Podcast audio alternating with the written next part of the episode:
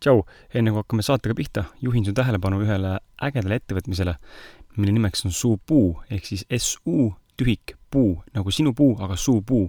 suupuu valmistab siis unikaalseid väärispuidust ehteid ja aksessuaare, valikus naistele kõrarõngad ja käevõrud ning meestele lipsunõelad ning manssetinööbid. disainitud ja valmistatud käsitööna Eestis eh,, Spooni tootmisjääkides kusjuures, ja nende e-poes kehtib tegelikult ka ausad mehed ja ausad naised podcasti kuulajatele sooduskood ausad naised kokku kirjutatuna, mis annab sulle ostult alla miinus kümme protsenti, nii et mine vaata www.suupuu.ee ja mine tea, äkki leiad endale midagi, kallis armas naine, või hoopis oma mehele või hoopis sina, hea mees, leiad hoopis midagi oma naisele. vot nii, head kuulamist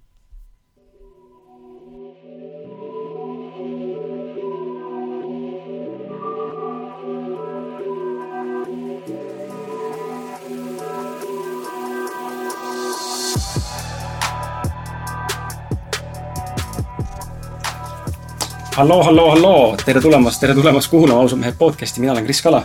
mina olen Eneli. ja mulle väga meeldib, et äh, Eneli lõpuks on saanud selle flow äh, sisse, sest et äh, mitte, mitte, et Elisel ei oleks probleemi, aga mäletan, tüdrukud alguses alustasid, siis pidin neile nagu meelde tuletama pärast seda, kui ma ütlen enda nime, siis alati Martin ütles enda nime mm. -hmm. ja siis, ja siis oli paus. oli paus totter paus nagu tekkis, et pidi meelde tuletama, et halloo, teie kord nagu öelda, kes te olete aga äh, jaa, Eneli on Ausad naiste podcasti üks saatejuhtidest ja eestvedajatest, kui te juhuslikult veel ei tea. ausad naised podcast on tänaseks juba varsti vist äh, kahe kuu vanuseline mm. -hmm. väljas on äh, kaheksa episoodi või? üheksast tuli täna. Üheksast, tähendab üheksast tuli esmaspäeval ehk viieteistkümnendal juunil, täna on veel üheksateist juuni, kui sa kuulad seda et äh, see läheb meil endaga natuke sassi, et ma salvestan vahepeal ette ja siis pead siin kuupäevadega mängima, et oleks kõik relevantne info olemas käe, käekorras mm. -hmm. mul endal tuli välja ausalt meeste podcast'i alt reedel, vabandust, mitte reedel, täna reede, esmaspäeval. Äh, nädala alguses tuli välja podcast, kus ma rääkisin siis äh, enda seitsme aasta suhte kogemusest, mul seitse aastat elukaaslasega ja jagasin siis seal üksteist punkti, mis ma näen, mis teeb nagu suhte, ühe õnneliku suhte nagu õnnelikuks või heaks. väga äge. palju sa nendega nõustud, armas kuulaja, seda ma sulle ette dikteerida ei saa, minu kogemus, minu kogemus, aga ma arvan, et üht-teist seal väärtuslikku või, või nii-öelda ideid nagu võib nagu saada mm. -hmm. enne kui läheme saate juurde, siis äh, väike promo ka, äh, augusti algus, esimene august on meil tulemas äh, Ausad mehed live podcast'i Vol kolm äh, live. Ehk siis otse publiku ees salvestus, külaliseks on Eesti nõutuim hüpnoterapeut Ants Rootslane. Ants on väga tore noor mees, kes on avastanud enda ande väga noorelt ja, ja tegelikult temas on päris palju intelligentsust, mis on võimaldanud tal mind elus kahel-kolmel korral aidata läbi teraapilise külastuse ja, ja samal ajal anda nagu natuke uusi mõtteid, kuidas ennast teises valguses näha, ma tean ka Elis äh,, Ausad naised, podcast'i teine saatejuht on käinud ka Antsu juures. et kindlasti huvi on, siis tule kuula, piletit on meil kakskümmend eurot on äh, pilet äh,, kui sa soovid osta veebist. ja kolmkümmend eurot on teine pilet ja kolmekümne eurose piletiga tuleb kaasa kaks, äh, kolm, neli kingitust, isegi vist minu enda raamat Mõistmas, kes ma olen, Million Mindseti kirjastuse poolt üks välja valitud raamat. Äh, loetelu leiad sa Facebooki või siis Fienta kirjeldusest, millise raamatu vahel nii-öelda siis loos sulle kätte osutub meie kleepekas või kleebis ja, ja samuti saad sa siis kaasa ka ausad mehed logoga eh, riidest eh, nii-öelda recycled ehk siis taastöödeldud ostu shopping'u koti. nii et tasub tulla, hinnad olen ma lükanud odavaks, et saaks võimalikult palju inimesi kohale, sest et ma tunnen ise, et minu missioon täna siin selle podcast'iga on algusest peale olnud sama ja täna on see kasvanud natuke suuremaks, et anda sulle kui armas kuulaja võimalus siis Äh, võimalus saada osa äh, milleski, mis äh, võiks elu kuidagi mingil, mingil viisil, mingis valdkonnas aidata paremuse poole liikuma panna, et aega leiad siis salvestada see kuupäev, esimene august, Ants Lootusega live. aga lähme saate juurde siis. külas on täna meil Jana Palman, tere Jana! tere! niimoodi prompt tere kohe, et mul sissejuhatus sinu kohta täna ei ole. ühtepidi ei osanud äh, mitte midagi muud leida peale raamatu info, võib-olla sa ei olegi ennast avalikult kuidagi veel eksponeerinud niimoodi, et. Äh, no ma ei ole jah pildil olnud eriti mm -hmm. palju, et äh, nimi on mul äh, Jana Paulmann ja äh, miks ma siin saates olen, ma olengi sellesama raamatu pärast, et -hmm. tegelikult ma olen tundmatu isik äh, vist maailmale või rahvale või. veel. olen täiesti kus sa seda raamatut panid? ma olen täiesti selline lihtne inimene, kes on eluaeg teinud lihtsat tööd, juuksur, grimeerija kuigi nüüd ma tegin täiesti kannapöörde. peale seda raamatut ma olen hakanud üldse mõtlema, et, et ma soovin teha ka muid asju, et kõik oma, mis mul jäänud elus on, veel viiskümmend aastat olen vana. ja vahetasin jälle elukutset siis. nüüd mitte ainult kirjutamise teema, vaid olen hoopis toitlustuses sees. et olen Soomes Katariina ravintola juhataja. et küll ei ole kaua olnud veel seal, aga plaanid on suured ja samas, millest see idee tekkis, et sinna minna, tekkis see, et äh, kuna ma sain oma raamatuga valmis ja julgustan seal raamatus ka teisi võtma ette selliseid äh, huvitavaid seikluslikke ja riske ja noh, teha midagi uut, mida sa tahad teha. Ma lihtsalt tundsin, et ma ei soovi enam seda tööd teha, mida ma siiamaani nüüd teinud olen aastaid ja ma ei tunne nagu õnnelikuna enam seal. ja siis äh, hakkasingi otsima uusi väljundeid, esimene unistus, mis ma siis teostasin, oli see raamat Kui naine armastab meest mm. -hmm. ja nüüd ma näen edasi, et äh, mul on uusi väljakutseid jälle vaja ja olengi sellel teel. et ma tunnen ennast õnnelikuni, õnneliku inimesena mm. -hmm. aga millest sul just äh, selline toitlustus tuli, et justkui grimeerija ja ilu, iluvaldkond ja siis, äh, siis paned näpud hoopiski toidu sisse või? no tegelikult äh, see oli nagu juhus isegi, kuna mul selgus, et üks tuttav inimene, Soomes eestlane, tegi väga ägeda restorani, kus käivad eestlased ja millest nagu arendame eestlaste klubi kooskäimise kohta ja ma siis, mul hakkas pea järsku tööle, et seal võib teha ka väga ägedaid äh, muid asju, näiteks raamatuesitlusi, vestlusõhtuid, mida iganes. ja käisin talle ideid välja ja tema võttis sellest tuld, no see oli ikka selline restoran nagu Segasumma suvila moodi, selline väga äge ja Eesti toite saab hästi seal ja et äh, kõik läheb käima ja need ideed kindlasti teostuvad aga mis sul selline pikem perspektiiv on, mida sa nagu näed, et oled endale sellise plaani üldse pannud või mõelnud, et et mis tulevikus, et kuidas see, ütleme, sa oled kirjutanud ühe raamatu, mis on väga äge, on ju. ma tahan et, veel raamatuid kirjutada, see ei ole viimane raamat, mul, ma lihtsalt otsingi uusi selliseid inspireerivaid kogemusi, sest nüüd see raamat on kirjutatud minu elukogemustest naiseks saamise teel ja läbi armastuse, kuid on ju palju muidki teemasid, millest kirjutada ja ma tahan, mul on tegelikult peaaegu valmimisjärgus ka romaan, mis on hoopis fantastika ja ja see räägib ka armastusest ja inimese sisemaailmast ja sisekosmosest, et et see on küll lõpetamata veel, ta on peaaegu valmis, aga noh, seal on veel palju teha, et äh, sinna tulevad illustratsioonid. Ja illustratsioonid teeb minu oma tütar, kes on kunstnik. -hmm. et me teeme koostöö ja siis äh, seal nagu ma elan jälle täpselt samamoodi neid kogemusi välja, ainult et hoopis fantastika nurga alt, et äh, see enam ei ole niisugune realistlik ja otse, äh, nagu selle raamatu olen kirjutanud, vaid see tuleb läbi allegooriate. et kõik need sellised sündmused ja asjad, et tuleb läbi sellise muinasjutulise maailma mm. -hmm. see raamat Kui naine armastab meest, Aames kirja mehele, ma olen peaaegu läbi lugenud selle ja ja kui ma esimest korda seda raamatut sirvisin äh, seoses oma agentuuri tööga, siis äh, mul kohe kuidagi kõnetas, mul sattus vist äh, naiseks kulgemise peatükk ka vist kuidagi seal kohe see mm, -hmm. sain nagu aimu, kuidas enda naist natuke mingis situatsioonis paremini mõista ja tunnetada. sa kirjutasid sellest jah, mulle ja. kohe nagu, et. ja ma tundsingi, et pean sulle kohe kirjutama, jagama mm, -hmm. et nagu nii, nii nagu hästi kirjutatud ja, ja mina mehena sain nagu aru ja mida rohkem ma raamatut loen, siis ma tulengi siia sellesama jutu juurde, mida me rääkisime saateväliselt, et tegelikult seda raamatut soovitan ma naistel lugeda ka. Äh, kindlasti. ja tegelikult äh, selle raamatu vastu hakkasidki kõigepealt tundma naised just huvi. kuigi ma nagu enda mõttes kirjutasin ikkagi sõnumi meestele mm, -hmm. ikkagi naisi nagu kõnetab rohkem see armastuse teema ja see tunnete ja suhete teema, aga ja mehed võib-olla tahaks ka seda seal kaasa rääkida ja tahaks mõelda kaasa ja, aga nad äh, võib-olla on natukene eelarvamuslikud, et äh, äkki see raamat on liiga roosamanna nende jaoks või, või selles mõttes nad äh, alguses nagu kõhklevalt vaatavad kindlasti. aga nüüd, kui ma olen öö, oma paaris videopodcastis rääkinud raamatu sisust täpsemalt, siis on hakanud täiesti mehed kohe kirjutama, helistama ja, ja, ja ostma, et on tagasisidet päris palju tulnud, et, et kõnetab väga jah mehi ka. kuidas sulle tuli üldse selline idee äh, sellist raamatut kirjutada? no idee tegelikult tuli ikka elulistest sündmustest, kuna ma lihtsalt, kui mulle elukaaslasega tekkis lihtsalt situatsioon, kus äh, ma mõistsin, et ta tegelikult, kuigi me oleme pikalt koos olnud, kaheksa aastat oleme koos olnud, et ta tegelikult üldse mind ei tunnegi. Et tal hakkasid sellised omad kõhklused ja, ja, ja, ja, ja siis ta kuidagi hakkas mu elu uurima niimoodi, et, et et äh, järsku mul on keegi või veel kuskil keegi või noh, selline armukadedus lõi välja ja siis äh, tekkisid ka sellised äh, olukorrad, kus ma sain teada, et, et mind on lausa vot jälitatudki.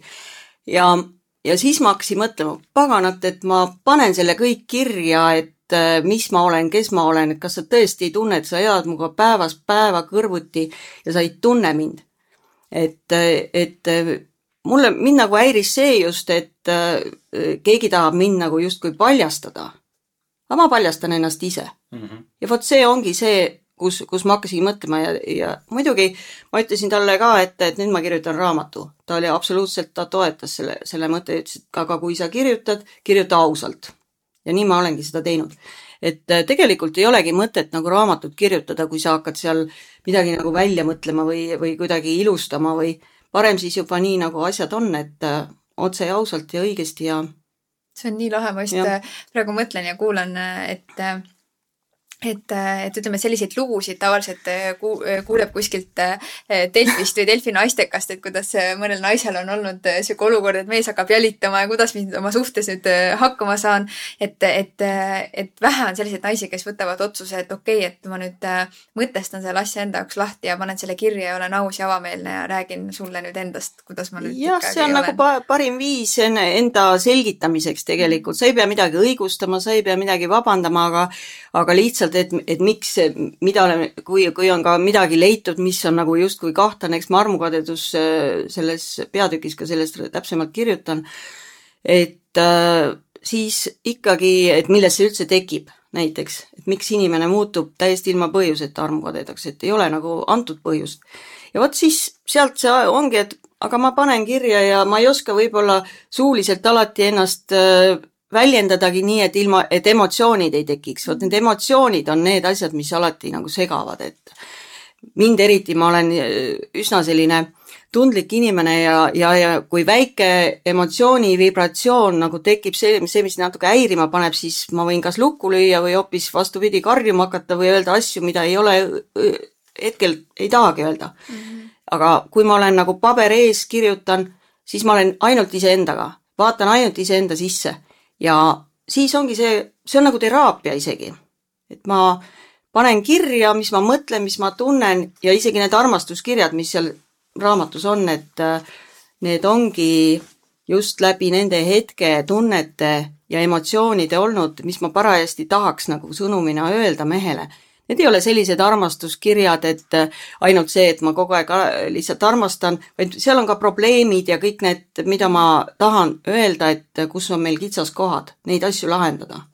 See on, ma just täna, kui Krisiga kokku nüüd sain enne siia saatesse tulekut, siis ma ei olnud varem sinu raamatuga niimoodi tuttav ja ma ei ole seda veel ise lugenud, aga ma uurisin nii-öelda selle raamatu kohta ja, ja olid paar head artiklit, kus siis kirjeldas natuke sinu raamatut ja siis mul tekkis hästi suur äratundmine selles osas, et äh, ma ise olen äh, enda mehega ka kuskil kaheksa aastat koos olnud, varsti saab kaheksa aastat. ja mm -hmm ja meil on olnud ka selliseid olukordi, kus ma olen tundnud, et ma ei ole suu-, ma ei suuda nagu sõnadega näost näkku inimesele kuidagi edasi anda seda, mis minu sees on, et ta päriselt seda mõistaks. ja, ja ma olen alati leidnud lahenduseks selle, et, et ma kirjutan. Ja mõnikord ongi tekkinud selline puhang, et nüüd ma pean kirjutama. Ja iga kord, kui ma olen kirjutanud selle, mis iganes A4 suuruse lehe täiesti endast välja, selle, mida ma päriselt ja. öelda tahan, siis äh, sellega on alati see asi korda saanud see ongi, et ma, minul on ka nagu soovitus isegi, et kui keegi tunneb, et tal on midagi, midagi öelda oma kaaslasele, aga ta ei julge või ta ei, ei suuda kuidagi otse näost näkku, pead ju inimesele silma vaatama ja, ja siis võib-olla sa, sa ei tea, mida, mismoodi ta reageerib. ja, ja siis ongi see kirjutamine annab nagu selle asja, et, et sa saad nagu öelda seda, mis sa täpselt tahadki öelda ja samas inimene, kes seda loeb, saab rahulikult mõelda, mis selle sõnumi üle. Et ta saab rahulikult nagu iseendaga mõelda, et ta ei pea sulle otsa vaatama parajasti. see on äh, teatud mõttes nagu suhtlemine ja, hing hingega. just nimelt, et see ongi nagu läbi hinge suhtlemine ja, ja, ja eks selle raamatugi, kui ma kirjutasin, siis ma põimisin sinna niimoodi küll oma mõtteid, analüüsisin raamatu, raamatus nagu teemade kaupa oma mõtteid ja läbielamisi ja, ja kogemusi, aga siis ma pikkisin sinna vahele needsamad armastuskirjad, mis ma olen elu jooksul talle saatnud. ja kusjuures muidugi ma peangi mainima, et need ei ole lihtsalt äh, ainult temale saadetud, vaid ma olen üldse terve elu, kes mul on olnud suhted, et ma olengi meestele kirju mhm. kirjutanud, et et see on nagu läbi elu mul olnud tahtsin siin enne selle vahele öelda selle peale, et sa ütlesid, see mõjub nagu teraapiliselt, selline kirjutamine mm. -hmm ma arvan, et äh, mis ma ise olen näinud ja ma arvan, et sa oled sellega nõus, ma ei tea, kas sa katsetanud oled seda, võib-olla sa raamatus tood selle lõpuks välja ka, ma ei tea, aga ma ise olen näinud, et ka kui endale kirjutada või ennast analüüsivalt lahti mõtestada kirjalikult just, siis see aitab väga palju ennast kõrvalt näha. no mina olengi lapsepõlves, ma kirjutasin päevikut palju, kirjutasin, äh, mul oli, kuna mul oli see äh, kiusati koolis, oli kooli kiusamine, siis ma hakkasin nagu ennast kasvatama. ja mingil ajal kõigepealt äh, muidugi mul isa pani mind trenni, et äh, ma saaksin enesekindluse, sisemise julguse tagasi, et tekib nagu mingisugune selline öö, oma mina. aga siis ma iseennast kasvatasin sellega, et ma kirjutasingi päevikut, kuhu ma panin kõik, et mismoodi ma pean ennast muutma, et, et olla tugevam, olla sisemiselt jõulisem, et ma ei lähe ja ei nuta nurga taga ja ja, ja et mul on nagu et, et ma ise saaksin endaga hakkama, et ma panin teatud punktid sinna kirja, mida ma pean saavutama nagu. ja see, see aitas päris palju, sellepärast et keskkooli, keskkooli lõpuks äh, ma olin juba, kui ma läksin malevasse, siis, siis ma olin juba nii tugev, et minust saigi seal liider. et äh, mind kuulati hoopis. et vot see annabki selle, et, et, et sa oled iseendaga tööd teinud, iseenda sisemusega ja noh, see ongi see, see, mida ma soovitan kõigile, kes tahavad olla ka nagu avada ennast, kas või mehele või naisele, ükskõik, et äh, lihtsalt avada ennast aga mis mõistmised äh, äh, sul selle raamatu kirjutamise jaoks nagu sellised kõige olulisemad mõistis, mõistmised, mis sul nagu tekkisid, kui sa selle raamatu olid ära kirjutanud? et vahest on nii, et vaata, sa kirjutades avastad ja. ka midagi väga palju enda suhtes, mille peale sa varem võib-olla oled mõelnud, aga mitte nii sügavuti või sa ei ole nagu eh, kuidagi jah, selle mõistmiseni just vaata jõudnud, et, et mis näiteks need võiksid olla, mis, mis sa oled nagu enda jaoks? see, et, et vot see julgustas mind nüüd, ma olin ka nat-, natukene nagu oma stampides kinni täiesti ja, ja, ja oma mingites harjumustes, mis mul on olnud omas rutiinis, aga nüüd ma olen nagu peale seda veel, veel nagu julgust juurde saanud, et ma teengi neid asju, mida ma tahan teha, et mis mul on tegemata ja mis ma, mille, mida ma olen unistanud mm -hmm. ja mida ma isegi, isegi selline, kas või seesama, kui ma mainisin seda toitlustusteemat, et ma ei ole üldse tegelikult toitlustusinimene olnudki kunagi, ma hüppasin pea ees tegelikult külma vette. aga, aga mis oli see point, et ähm, miks just see, sellepärast et et sõbrannal oli vaja ideedega inimest, kes äh, kes äh, nagu julgeb midagi seal muuta ja teha, kellel on loovust ja et, et panna käiku täiesti oma loovus, et loomulikult mul on seal õppekohti palju. ma tegin seal läbi kõik äh, ne, need asjad ka, mida ma köögis, köögist kuni äh, ettekandmiseni, kuni siis lõpuks selle et ma pean seal turundama ja, ja, ja mõtlema, mis edasi saab ja kõik, noh, kõik asjad et, äh, et vot see on nagu selline väga vahelduslik ja samas ka see, kus ma pean tõesti, äh, kus mind lükataksegi vette mm. -hmm. et nüüd, nüüd uju, uju välja lihtsalt, sa pead lahendama.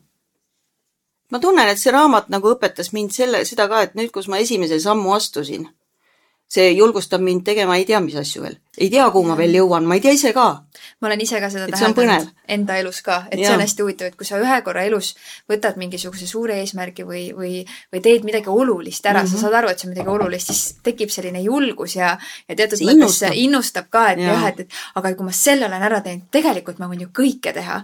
et just see nagu selline niisugune nagu nagu superpower või sihuke nagu uhke tunne tuleb iseenda üle ja see tõesti viib edasi. et ega need unistused ei ole ju nii, et sul oleks nad nii eh, piirangutega kuidagi paika pandud, et vot, vot ma tahan teha, nüüd ostan auto või ma tahan selle, selle maja osta, et, et tingimata ainult need mingid kitsalt niimoodi mm -hmm. kuskil, vaid sul, sa mõnikord ei teagi, milleks sul on potentsiaali tegelikult, milleks sul on võimeid ja milleks, oma hirmudelegi tuleb ju silma mm -hmm. vaadata. minu näiteks suuremaid äh, hirme on olnud äh, lava peal esinemine, kus ma kohe löön lukku ja hakkan värisema ja tänagi natukene tundsin neid, vibab et, äh, et selles suhtes vot need hirmudele silma vaatamine, see on jälle see, kui sa seda ületad, siis, siis on kohe, kohe hoopis, sa, sa näed iseennast ka hoopis teise nurga alt tegelikult mm. -hmm.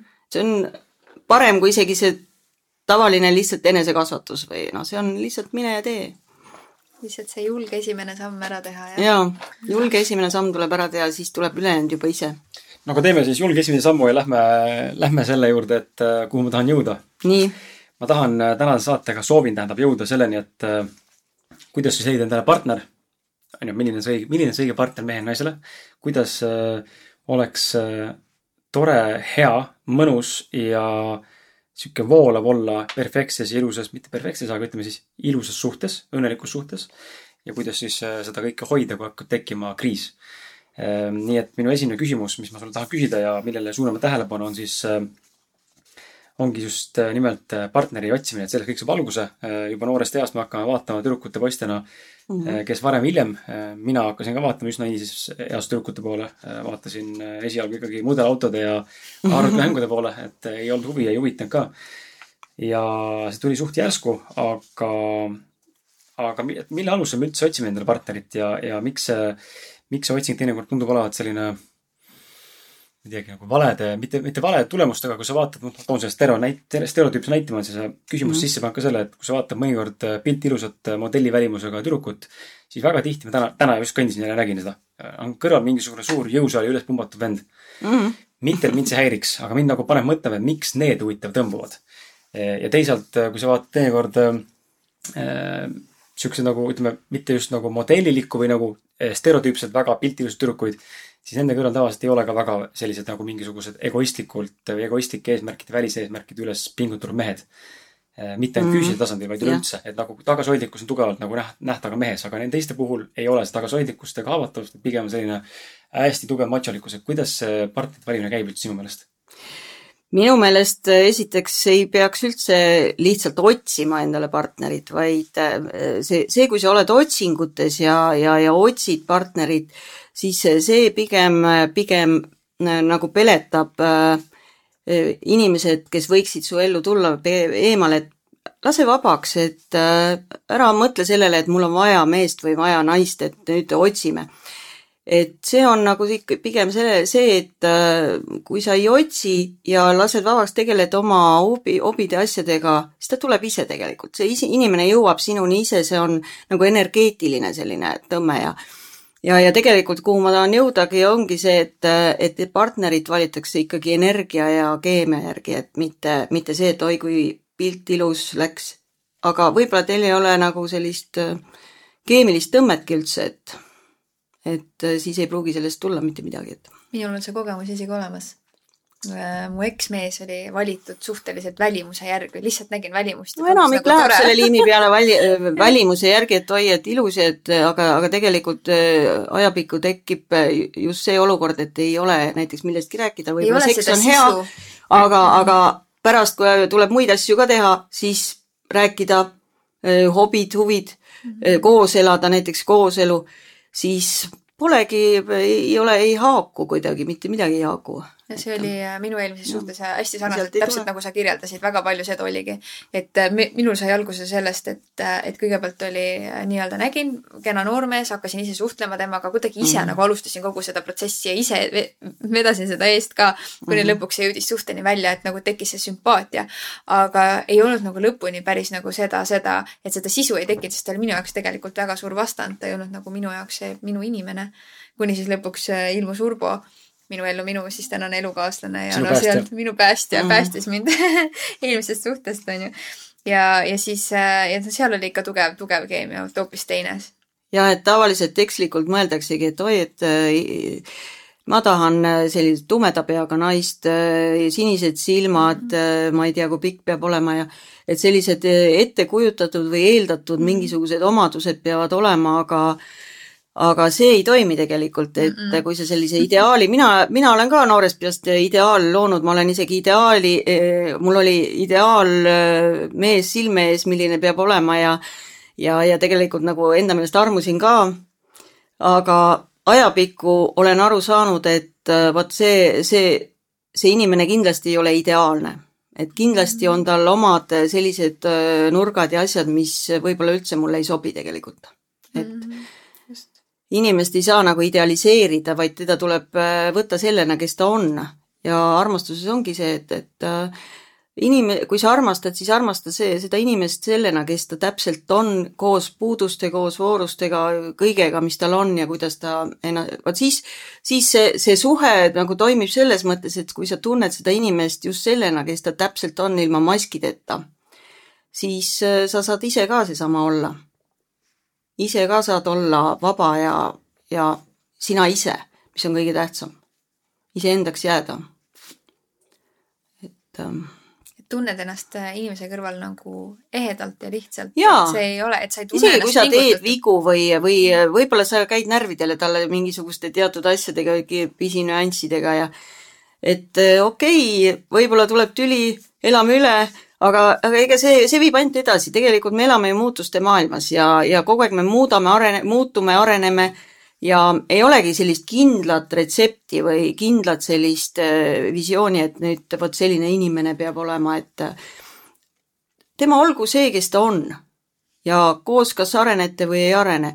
Ja siis äh, elu näitab, et kas lähete lahku või elate elu lõpuni koos, et min-, korra-, minnakse ju kokku tegelikult selle mõttega, et elada elu lõpuni koos. on ju nii? see on vist enamik inimese unistus. jaa. ja lähed kokku selle mõttega, et elada elu lõpuni, aga vot see, see ei pruugi alati ikkagi toimida, sellepärast et võib-olla sa oled valedel põhjustel selle partneri valinud. näiteks, et oh, tal on hea auto, et hmm, vot see mm. mees on äge. et noh siis kui kokku hakkad elama, siis see, see võib-olla seal tuleb nii palju selliseid nüansse välja, et, et üldse sa ei saa ise, sina ise olla ja see on nagu, et. Ähm, kas sa said, Kris, oma küsimusele vastuse seal oli mitu küsimust, et võib-olla jäi mõni vahele, ega ma ei tea. ei, sain küll, mind just huvitas ka see sinu äh, arusaam sellest, mis, mis nagu, mismoodi sina seda tõlgendad ja kuidas võib-olla kuulajale, kes täna on äh, kes täna otsib nii-öelda jutumärkides siis ka mm, -hmm. et saada aru sellest, et äh, tõepoolest see otsimine ei, ei tule. see, seda ei ole mõtet teha, et see tuleb, inimene tuleb ise su ellu, see, see, mida sa õppima pead, see, see õppetund sulle tuleb tegelikult. ega sa ei saa vägisi midagi äh, siin no, seda suunata, ega sa mõtled küll, et nüüd ma selle inimesega teen su suhte, aga võib-olla see inimene polegi sulle õige inimene, et äh, et see võib-olla ei olegi, ei klapigi üldse mitte miski mm -hmm. ja ei ole isegi energiat et see on ainult nagu eeldus või ettekujutus, et eeldada ei ole mõtet mitte midagi mm. -hmm. aga kui siis on, äh, ma vaatan siit meie küsimustest, mis me varem oleme siin valmis mõelnud, mulle just äh, tundub, et läheb vaikselt konteksti edasi, et äh, et ütleme, et kui see suhe juba on nagu loodud ja suhe on olemas ja tekib sihuke ütleme, rutiiniaeg ja äh, siis äh, mida näiteks saab üks mees teha, et naine teda rohkem tahaks, ihkaks ja armastaks ja mida saab teha naine, et asi oleks vastastikune? no ikka üllatusi väikseid üllatusi või ei pea ju olema eh, mingid ainult suured kingitused kogu aeg, vaid lihtsalt väiksed sellised ootamatused, ootamatud käigudki ju värskendavad ja, ja elavdavad seda suhet, et äh, mis sinu elus on olnud sellist nagu kõige värskendavamat äh, suhte jooksul, milliseid üllatusi näiteks on äh, tehtud või mis on tulnud? no näiteks äh, ma ise tegin ükskord, kui meil oligi juba suhe oli kuidagi sellises hetke kas seisakus või kriisiolukorras ja eks rutiini tuleb ju päevasündmuste igasuguste eluga kaasa ja siis üllatasin meest näiteks sellega, et no tal oli oma mingisugune korter ja läksin sinna korterisse, panin kõik meie mälestuste pildid seinte peale ja, ja, ja äh, küünlad maha niimoodi nagu rada ja siis äh, ühte ruumi siis tegin massaažilaua, panin, lõin kõik valmis seal ja, ja läksin siis mehele ütlema, et olin mingi kaks tundi ära, ta oli juba närvis, et kus naine on. ja tulen siis tagasi, ta ütleb, kus sa käisid, mis sa tegid? Ma ütlesin, et kuule, et mul on sulle, et praegu midagi on korteris juhtunud, et tule ruttu. et täielik jama. ja, ja ta oli nii ehmatanud, et no tuligi sinna kohale ja noh, siis muidugi see oli talle täielik üllatus, et selline massaaž ja šampus ja kõik oli väga ilus ei osanud oodata, onju? ei osanud. sest ma tegin väikse šokiteraapia talle sellega, et ütlesin, et, et nüüd jamad käes, et ma tulen vaatan, mis su korteriga on juhtunud no nii, Kris, mida sina küsida tahaksid?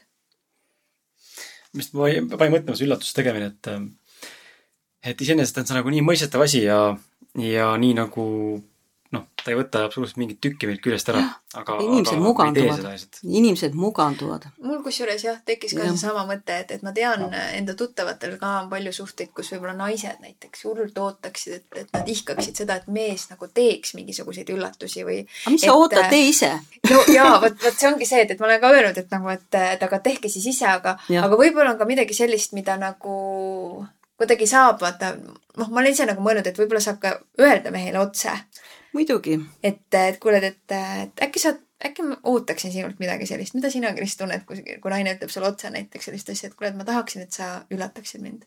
kas sa teeksid seda? ta ei ütle niimoodi mulle, siis ma tavaliselt küsin, mis sa soovid, kui ma olen ise juba kriisi järel enam suudan välja see on nagu tellimus juba siis küsin, et mis sa nagu soovid, et oleks nagu parem olla, kui ma tunnen, et me oleme nagu selles hetkes, kus nagu tekib rutiin, enam ei suuda ise enam mõelda ja -hmm aga no näiteks võile, hommikuvõileivad kaunistage ära, pange külmkappi kiri kirjakene, selline armastan sind ja, ja mida sa tahad öelda selle hommikuse sõnumiga, et ärka ja sära või see piisab sellest pisikesest väiksest žestist ja mehel on kohe hoopis teine, teine tunne, et seda on tegelikult hästi, hästi tunda, ma olen ise ja. teinud äh, väga palju selliseid väikseid nii-öelda žeste. armastan ka neid kaunistatud võileibu hommikuti teha ja siis on, mul oli pikema äh,, oligi pidevalt vahepeal nii, et ma neid kirjakesi sinna külmkappi panin, aga siis ma vaatasin, et nüüd läheb juba harjumuseks, et ei, nüüd tuleb vahepeal ära lõpetada, et muidu pärast hakatakse lausa nõudma, kus, kus kiri on, jah?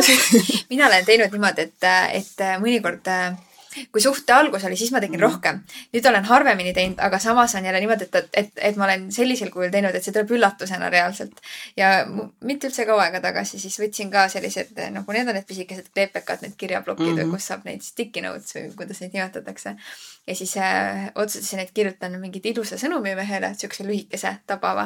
ja siis äh, peitsin ka erinevatesse kohtadesse, et ma tean, et ta leiab need täiesti erinevatel aegadel. küll panin talvemantli jope vahele, siis panin kuskile pükste taskusse, siis panin kuskile mm. kotti ja siis üks päev oligi jumala kaua läks aega juba mööda, ühel hetkel avastas selle, siis saatis mulle pildi, issand kui nunnu et see mõjub tõesti hästi. aga siis, siis näiteks teine asi on, et märka, mida, mida su kaaslane teeb, et mm., et kui näiteks äh, mees teeb süüa kogu aeg või, või naine teeb süüa või et kiida teda selle eest ja, või täna ja, ja, ja need märkamised ka, et äh, võib-olla sa võtad liiga endastmõistetavalt kuidagi, et, et sa oled harjunud, et ta teeb seda, aga tegelikult vaata teda ükskord, et äh, mismoodi ta sinu jaoks, sinu, sinu heaks teeb teda mm, -hmm. seda, seda tööd, seda väikest tööd, noh, mis, ta ei ole väike, me igapäevaselt peame kõike midagi tegema, aga aga lihtsalt, et see märkamine just nimelt on nagu oluline päris. ja mine kiida teda selle eest, et, et ta see sinu heaks seda teeb mm. -hmm. et see on ju kõige ilusam asi, mida ta sinu jaoks teeb, et see ongi see tegudes näitamine, armastuse näitamine tegelikult. see on oluline, ma olen nõus. et on mm. veel, veel mingeid mõtteid sellel teemal? tegelikult äh, hakkasin mõtlema, sa ennem ütlesid, et, et su mees toetas sind sellega, et jaa, see oli mulle tõesti, tõesti niisugune hea tugi ja ta toetab siiamaani, ta küll võib-olla, võib-olla, võib-olla leiab sealt raamatust asju, mis talle küll ei võiks, ei, ei pruugi meeldida, kas või seesama armukadeduse teema, aga aga see on ausalt öeldud ja, ja mind just huvitab see, et kuidas ta nagu täna nagu äh, suhestub äh, sinusse, kas ta äh, või kas ta on nagu ausalt ja avameelselt sulle öelnud ka, mida ta täna tunneb äh, tänu selle raamatu kirjutamisele? Et, et kas see raamat on nagu tema ja et kas see tundeid... andis talle midagi, vaata, sest tegelikult nagu ma aru sain sinu jutust, siis ta ju hakkas nii-öelda sinu kohta uurima, tahtis sinust rohkem teada, sa mõistsid, et ta ei tunnegi sind ja nüüd sa kirjutasid raamatu, et kas ta nüüd tunneb sind siis rohkem, et kuidas ta ise ennast väljendanud selles osas on? vot ta ei ole üldse... nagu seda täpsemalt nii väljendanud, aga ta on öelnud, et, et see, et see raamat on väga selline nagu sellist tema jaoks tarkusi täis, et, et tema õpib sealt midagi nagu, jah mm. -hmm. väga hea. et äh, talle meeldib jah, aga ta muidugi väga palju on sellist, et see ei ole nagu Telegrami stiilis kirjutatud raamat, on pigem selline blogi stiilis mm -hmm. ja, ja, ja pikem, keeruliselt võib-olla väljendatud, et kõigile ei sobi. aga mõte ongi või see sõnum on kõige tähtsam, mis seal sees on, kas on lootust, et tuleb äh, avameelsed kirjad naisele ka mehe poolt siis kirjutatuna või kirjutad ise selle? Ehm, tema eest või? jah, meeste eest meeste eest. et avameelsed kirjad äh, naisele, naisele.. läbi, läbi meeste perspektiivi. tegelikult seda kirjad. peaks kirjutama ikkagi mees läbi oma silmade mm. -hmm ma, see, see ei tule ju päriselt see, kui mina, mina ei näe sada protsenti kõikide meeste si-, nägemusi, eks ole, et äh, mismoodi nemad näevad.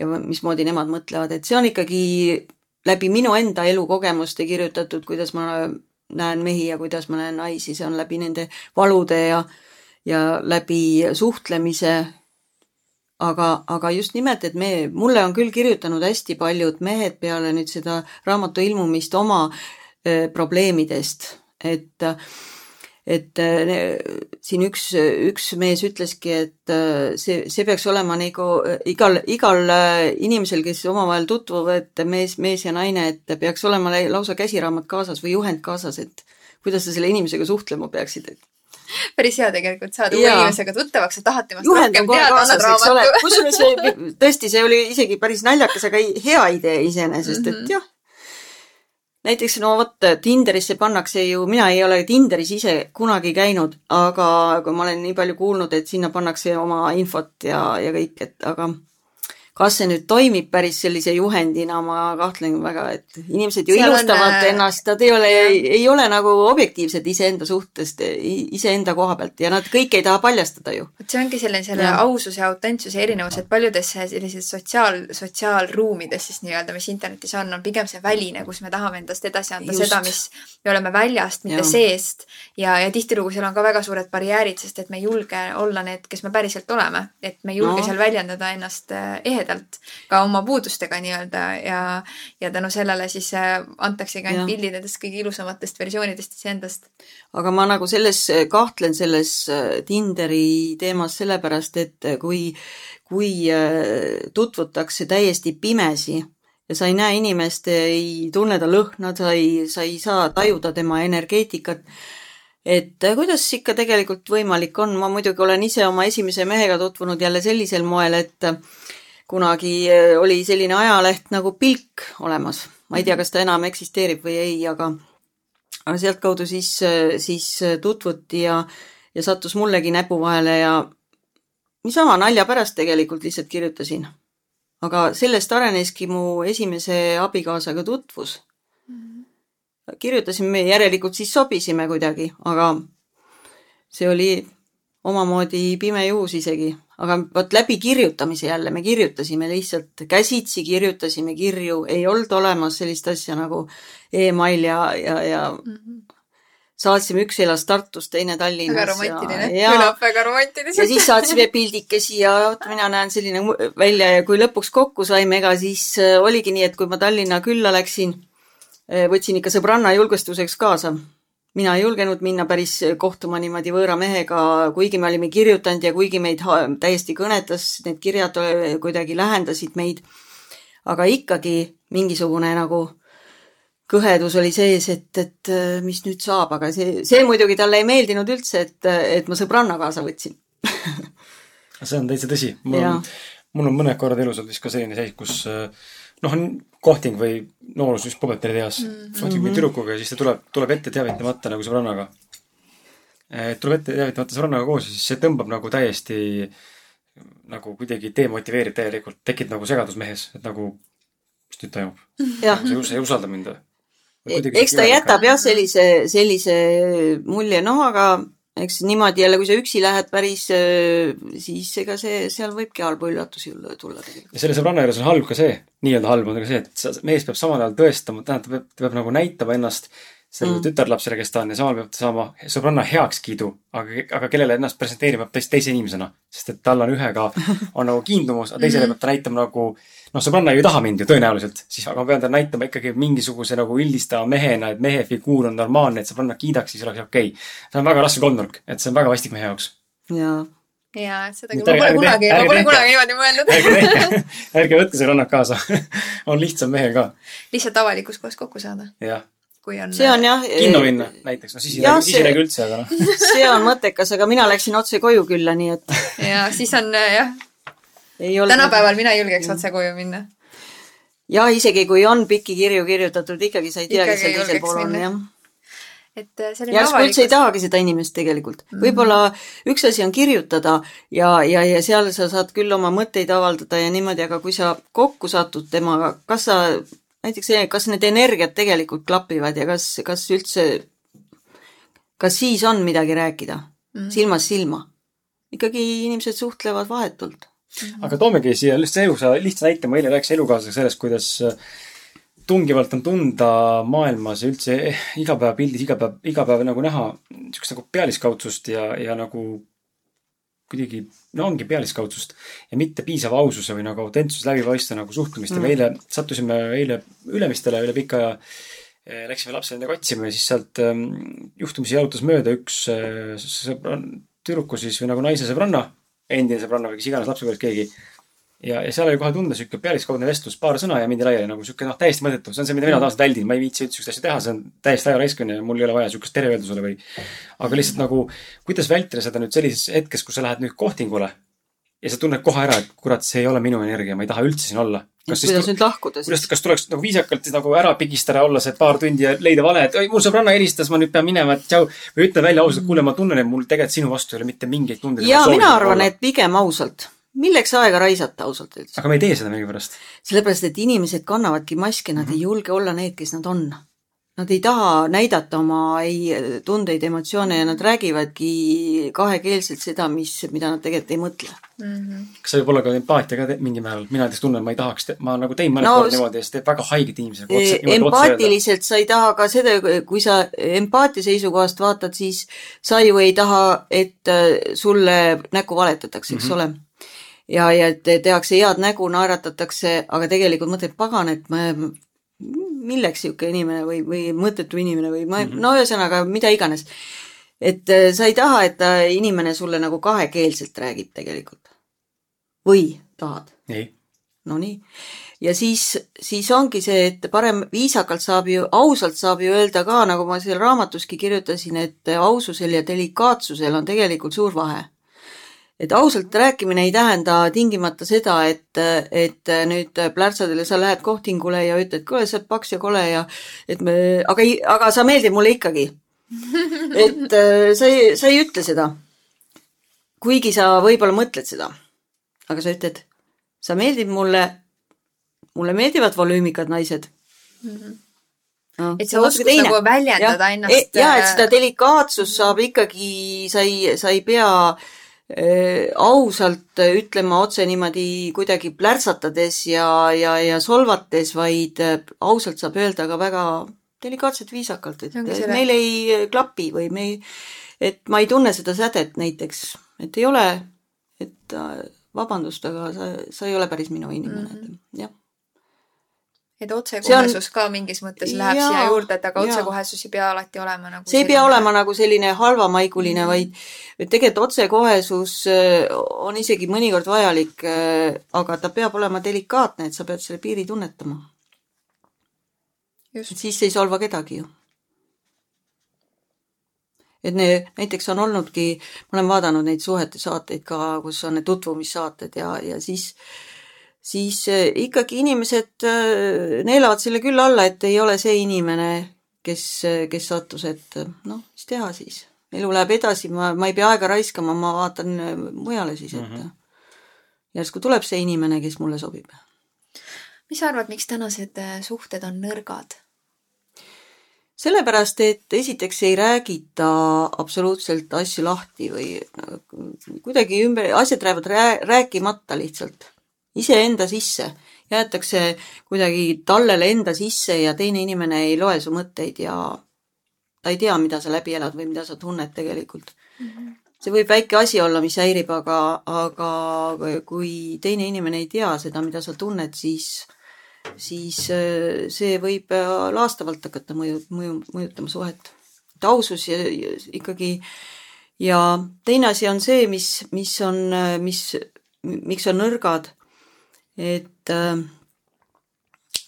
nii kui tulevad nagu mingid tagasilöögid või ebakõlad suhtesse, mingid probleemid, siis kohe äh, ahah, uks kinni ja minema ette ei ole, ei ole, aga võiks rääkida, võiks lahendama hakata seda olukorda.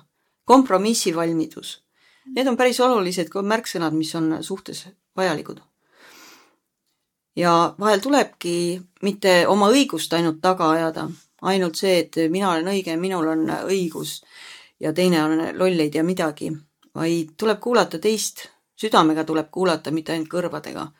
tuleb lasta teisel ka rääkida et mida, mida tal on öelda, võib-olla ta ei taha seda sõnadega öelda, aga küsi kas või kirjutades, ükskõik, kui sa teisiti ei saa. Kuidas mina sobib? olen, ta on hästi ja. palju seda, et see on tegelikult hästi palju seda eneseteadlikkuse taga ka. vaata, et kui me hakkame iseennast harima, iseennast kasvatama, siis me oskame ka teise inimesega paremini suhestuda ja läbi saada. et, et näiteks kõrvalt vaadates olen märganud mõne tuttava puhul, et et mees-naine näiteks tülitsevad, onju.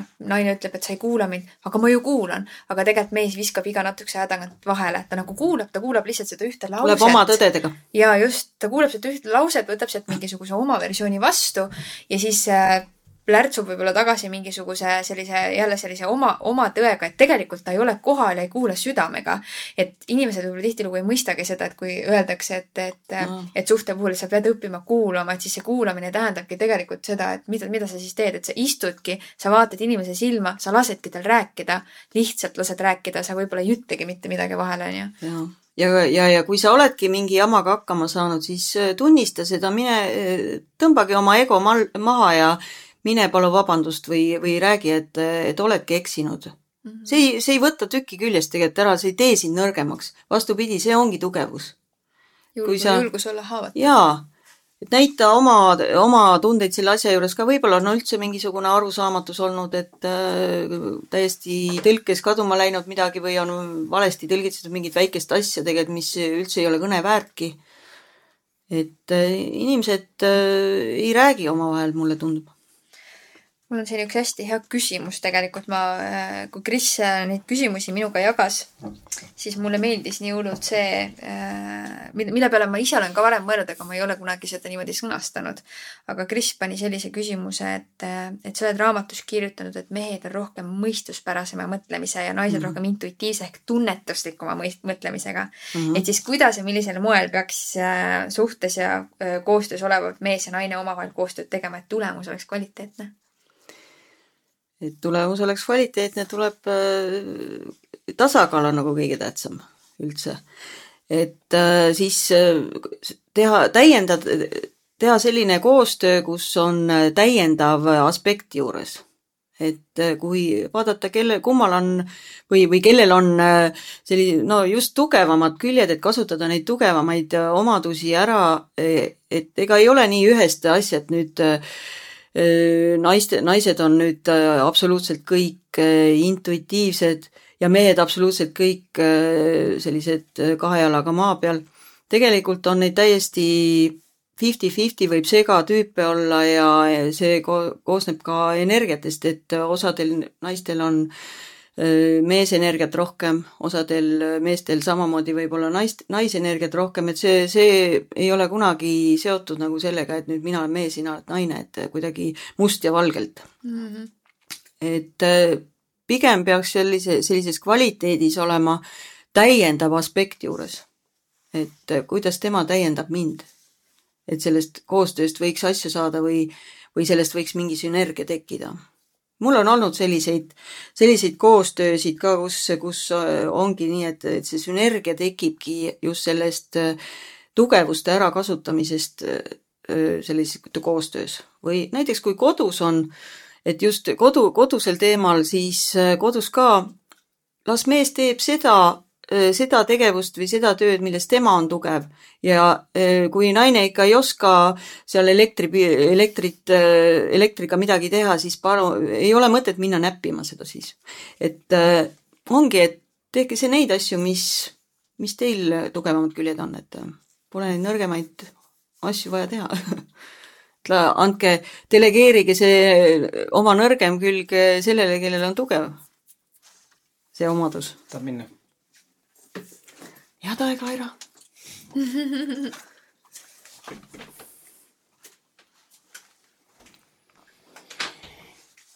mm,. okei okay.. Äh, mulle tegelikult meeldib siin, siin tuleb mul, see on kirja pandud sellepärast, et mul endal oli sama sündmus enda tänase naisega järjekindlus oli see, mis viis mind lõpule äh, tulemuseni. see on jah, hea omadus. et äh, sa oled raamatust rai-, raiunud päris mitme korra tegelikult, aga ühes kohas mul väga jäi silma see, et mehe järjekindlus on naise jaoks kõige seksikam omadus mm. -hmm. ja mida sa siinkohal silmas pead ja kuidas sinu jaoks väljendub, ma saan, enne kui sa vastad, ma jagan nagu enda kogemust ka, kui mina nägin seda samamoodi, et meie tutvusime nii, nagu ütlesid ka, et ei tasu otsida, vaid see tuleb ise. Otsisin tükk aega nii-öelda jutumärkides, siis lõpuks loobusin, sain aru sellest, et ma jäängi üksinda, sest et ma ei leia ühtegi naist, kes oleks mulle sobiv, sest et ma lihtsalt olen ise nii kiiksuga inimene.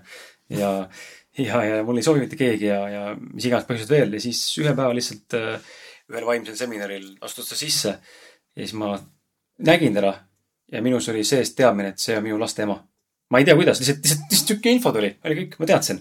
tundus, noh, endale tundus, ei tundunud võõras, aga praegu tagantjärele mõeldes saan aru tegelikult, et see oli täiesti absurdne mõte, et niimoodi tuli, aga see tuli tänaseks meil on üks laps ja võib-olla tuleb veel, aga, aga minus oli nii tugev veendumus ja tunne ja siis ma hakkasin järjepidevusega lihtsalt äh, olema kogu aeg pildis. alguses sõbrana, see on meeste, äh, meestel väga tugev strateegia, ka mina kasutasin seda, ma olen asja lõpuks rääkinud sellest, ei teadnud alguses seda, et ma olen sõber, tegelikult mu tagaplaan on minna suhtesse. Aga minu suhte eesmärk oli hea, mitte see, ma lihtsalt tahan saada keppi ja siis ära minna, vaid ma tahtsin päriselt suhet Äh, ja ma lihtsalt nägin midagi, mida tema veel ei näinud võib-olla. ja kuna ta oli ise suhtes veel, mis oli lagunemas või noh, põhimõtteliselt läbi, siis äh, ma siinkohal esimest korda elus tundsin, et ma rikkusin enda jaoks ka mingit sihukest nagu põhimõtet, et ma ei lähe mitte kellegi teise vahele.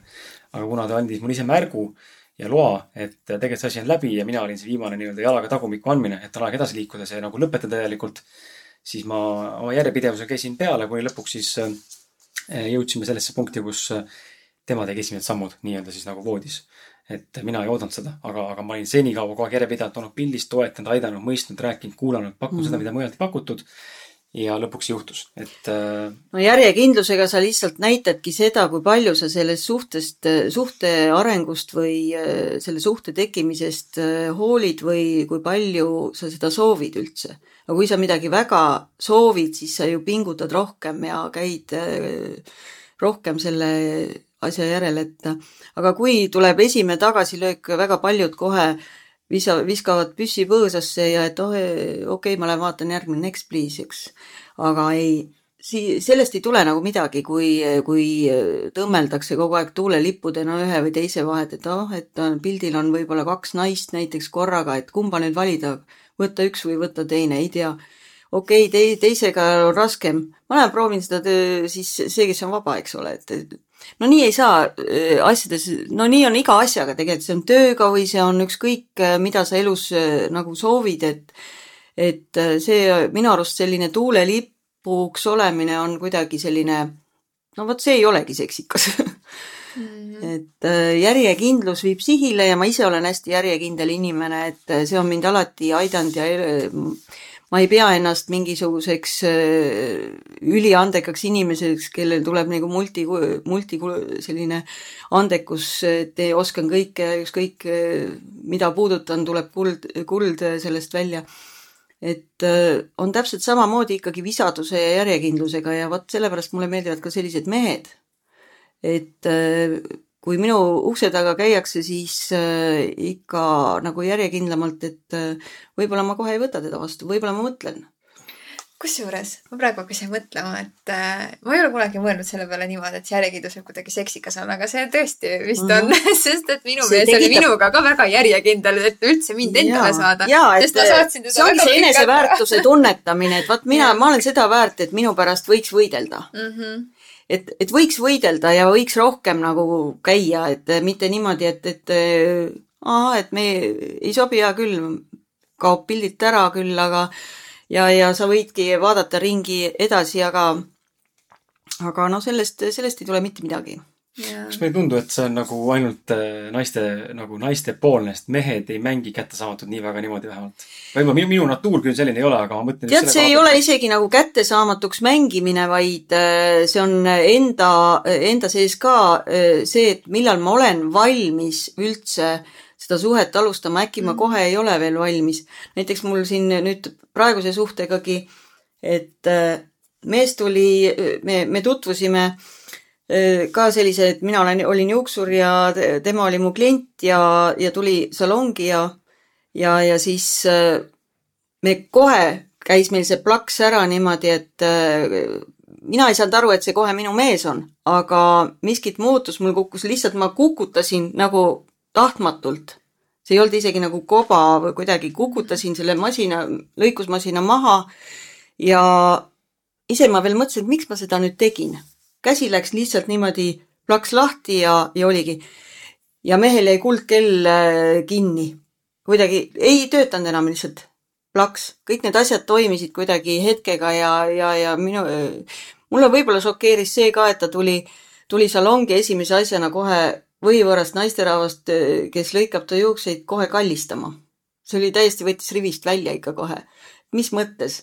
et kliendid ei, kuna mina kunagi kliente ei ole kallistanud ja, ja, ja siis no vot, need äh, sellised pinged läksid nagu maha ja, ja, ja ma isegi ei saanud aru, kui ma järsku, järsku lihtsalt räägin iseendast. miks ma räägin nii palju? ma räägin kõik, mis minu, vaata, et terve eluloo räägin ära. ja tema kuulab ja kuulab niimoodi, et, et ma nägin silmades sellist äh, kaastunnet ja, ja sa, samas sellist poolehoidu ja, ja kõik see mõjutas mind hetkel. aga siis tema, tema ei tulnud ka armastust ju sinna salongi otsima. tema tuli lihtsalt juukselõikust saama. ja, ja aga miski mõjus ka talle, sest ta kutsus mind, et, et aga saame, lähme, lähme randa. ma ütlesin, et ohoh, et klient ei ole nüüd küll mind kunagi randa kutsunud, et see on väga huvitav et hea küll, saame kohvikus kokku või kuskil, eks, et räägime edasi, et vaatame. aga siis oligi nii, et läksime randa, aga vahepeal enne rand, randa minekut tulid kirjad tema poolt, et tema soovib kohe otsekoheselt, andis mõista, et tema soovib eelkõige armastust. no need kirjad on seal, need esimesed kirjad on seal raamatus ka sees, nii armsad kirjad, et ma pidin nad sinna sisse panema lihtsalt et äh, vot siis tuligi minu reaktsioon nagu kohe see, et äh, kuna mul olid veel ka omad asjad pooleli, et ma just äh, lõ olin lõpetamas oma abielu ja selleks ma Soome tulingi. ja samal ajal olid ka mingid muud emotsioonid ja tunded kuskile veel üles kerkinud ja, ja ma, ma nagu mõtlesin, et ma ei saa mehele öelda nüüd niimoodi, et et äh, jah, võib-olla anda mingit lootust, mida võib-olla ma ei suuda täita, ma ei olnud valmis kohe suhtes, suhtes, suhtesse hüppama, et et ma nagu tahtsin veel mõelda ja oma elu lihtsalt sättida natukene peale eelmist suhet, et sellepärast. ja, ja siis ta, siis, siis, siis ta andiski sellise mõtlemisaja, aga ta ei jooksnud kohe, kohe minema selle peale, kui ma ütlesin ei. vaid äh, pakkuski kasvõi sõbrana esialgu, et olla, suhelda, et, et äh, ega palju aega ei läinudki, ma juba ise, ise murdusin. ise tundsin, et nüüd ma lõpetan kõik vanad taagad, vanad asjad ära, tõmban joone vahele kõigele, mis on minevik ja hakkan puhtalt lehelt uut elu alustama temaga.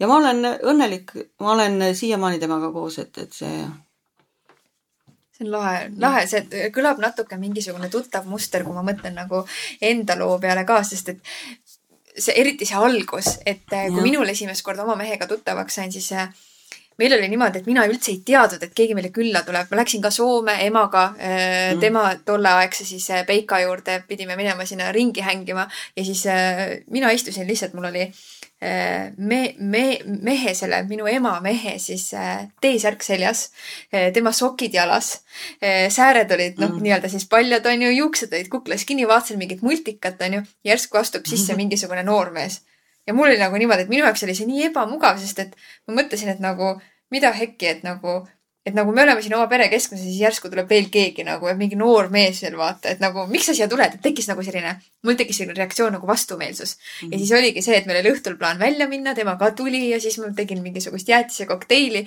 ja siis ma otsustasin, et ma talle võtta ei anna lihtsalt nagu kuidagi see tunne oli nagu sees, et ma nagu tundsin ära, et nüüd ta tuleb kuidagi midagi segama ja selles mõttes ta tuligi segama, et ta nägi mind ära ta põhimõtteliselt praktiliselt kohe eh, nagu ütleme siis nii-öelda nagu esimesest silmapilgust jäin talle selles mõttes silma, ma ei tea, kas selle kohta siis võib öelda, et armus esimesest silmapilgust. nägi veel samal ööl mind unes, kuidas me koos ringi käime käest kinni ja mhm. ta rääkis mulle seda kusjuures veel. rääkis veel naised vajavad ikkagi mõtlemisaega ju. jaa, aga ma olin ka sellel hetkel suhtes selles mhm. sama, sellesama eh, eksmehega, kellega tegelikult ei olnud see elu selline, aga ma olin otsustanud, et ma tahan temaga koos olla, onju. et mis siis, et nagu päris kõik ei ole nii, nagu ma tahaksin, onju onju ja, ja siis, äh, aga te, minu mehe puhul oli eriskummaline see, et tema oli ka suhtes ja temal oli tegelikult peres äh, ühekuune laps, beebi mm. -hmm. ja, ja kui tema hakkas minuga suhtlema, ma tunnetasin ära ühel hetkel, nii kui ma Eestisse läksin, ta veel tuli meid saatma, onju. ja, ja Eestis olles siis, äh, siis nagu kuidagi ühesõnaga jah, ta hakkas minuga suhtlema ja ma kohe tundsin ära selle koha, et nii, nüüd ta nagu tahab midagi enamat. ja, ja ma ütlesin talle, kuule, et ei, nagu, kuule, mida hekki nagu, sul on väike beebi kodus ja sa tuled minuga suhtlema. ja saad aru, ta oli aus ja ütles mulle niimoodi, et võib-olla olengi munn mees. võib-olla olengi, aga lihtsalt ma ei ole täna rahul. nagu, et, et jah ja, ja see oli see minu jaoks pöördepunkt, sest mina ei ole, ei olnud nagu kunagi oodanud, et, et keegi võib nii ausalt otse öelda. et enamik inimesi on selliseid või eriti mehed, et kui sa talle nagu sellist asja ütled, siis ta võib-olla hakkab mingisuguseid vabandusi otsima. tema mm. lihtsalt ütles otse, et jah, võib-olla olengi munn mees ja ongi kõik noh et äh, järelikult midagi on siis puudu mu elus täna, et ma, et ma tulen sinu juurde ja räägin sinuga, onju. Mhm. et äh, ja muidugi seal oli veel mitu korda samamoodi ütlesin talle ära, et ei, kõik nagu, sest et mul oli, endal olid närvid püsti ja ma nagu ei suutnud süüa nagu, sest et no. ma sain aru, et mul hakkas midagi tekkima minu sees, mingid tunded hakkasid tekkima, onju aga ikkagi lõpuks käisime välja ja, ja, ja ta ei andnud alla selles mõttes, et tema oli väga järjepidev, et selles mõttes, et kui sinna teemasse tagasi minna, et see järjepidevus on mingis mm. mõttes nagu, et vaata, võib-olla oli ka see, et ma arvan, et, et, et naine saab lihtsalt ühel hetkel mingit sellist jäägitud tähelepanu, mida mm. ta võib-olla kodus sellisel kujul ei saa. ja see on see, mis nagu äh, siis haarab kaasa jaa, aga naised, naised äh, ootavad suhtest ju ka seda nagu mehe poolt turvatunnet mm. -hmm.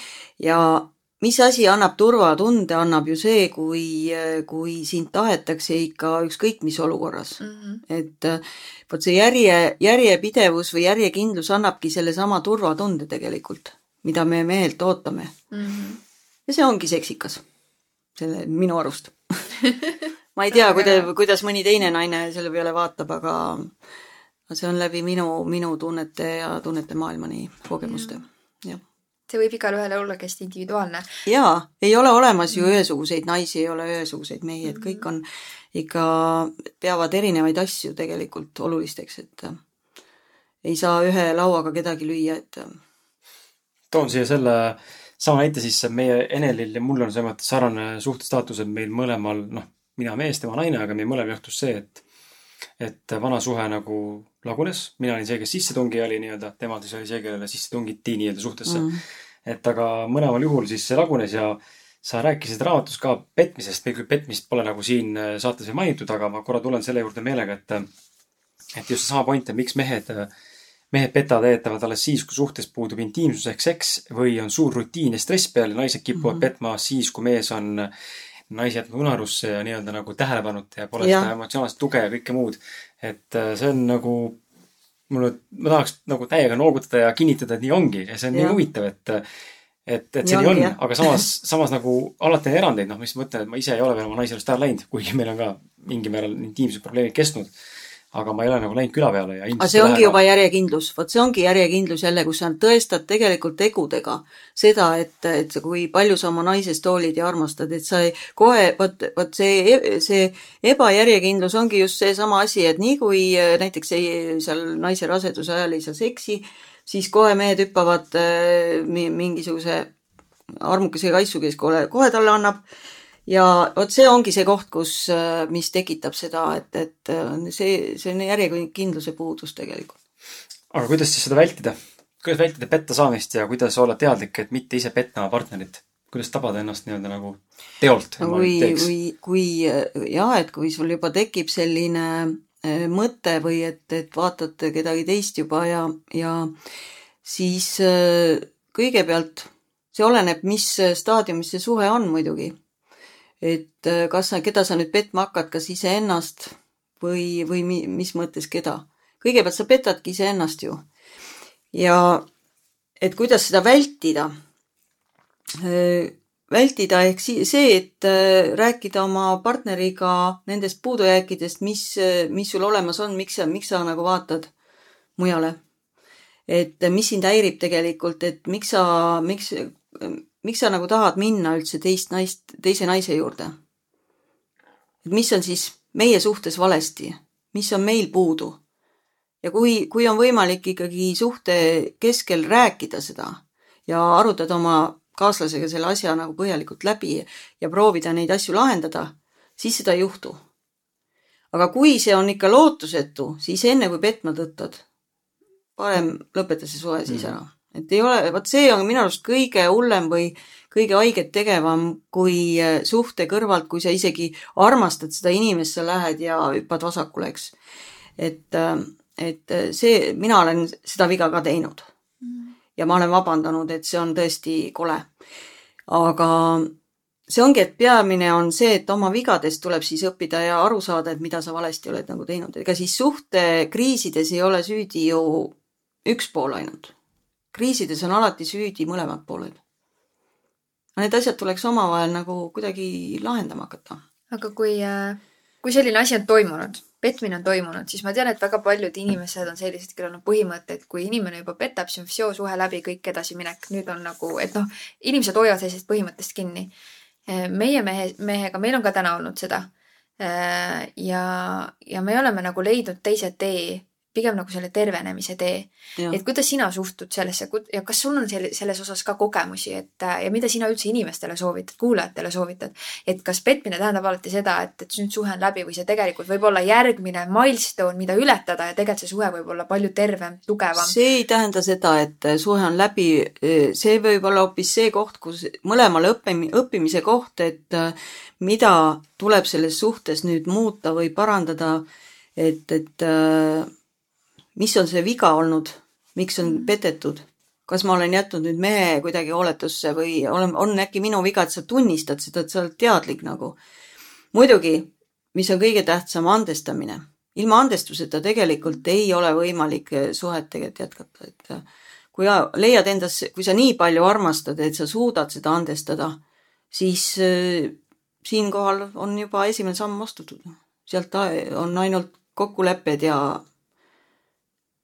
et eh, edasi vaadata nagu. mina ei suuda vist. ei suuda? ei, ma olen ma, ma vist ei suudaks. ma ei, muidugi ei tea, pole niisugust olukorda olnud elus. vot ongi, et eh, mina iseenda puhul samamoodi, ma, ma olen mõelnud, et ma ei tea, ma ei ole olnud sellises situatsioonis veel, et mind oleks nagu petetud mm. -hmm.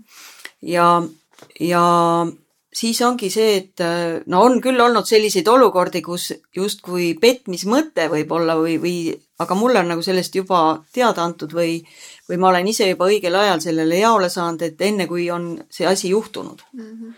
ja, ja siis on lihtsalt, me oleme täiesti avameelselt asjadest rääkinud, et need ava, vot see avameelsus on hästi oluline. ja, ja siis ongi see, et seda lõpuks ei ole juhtutud, aga, aga muidugi ma olen pannud ennast mõttes sellesse situatsiooni, et mis siis oleks, kui olekski nii.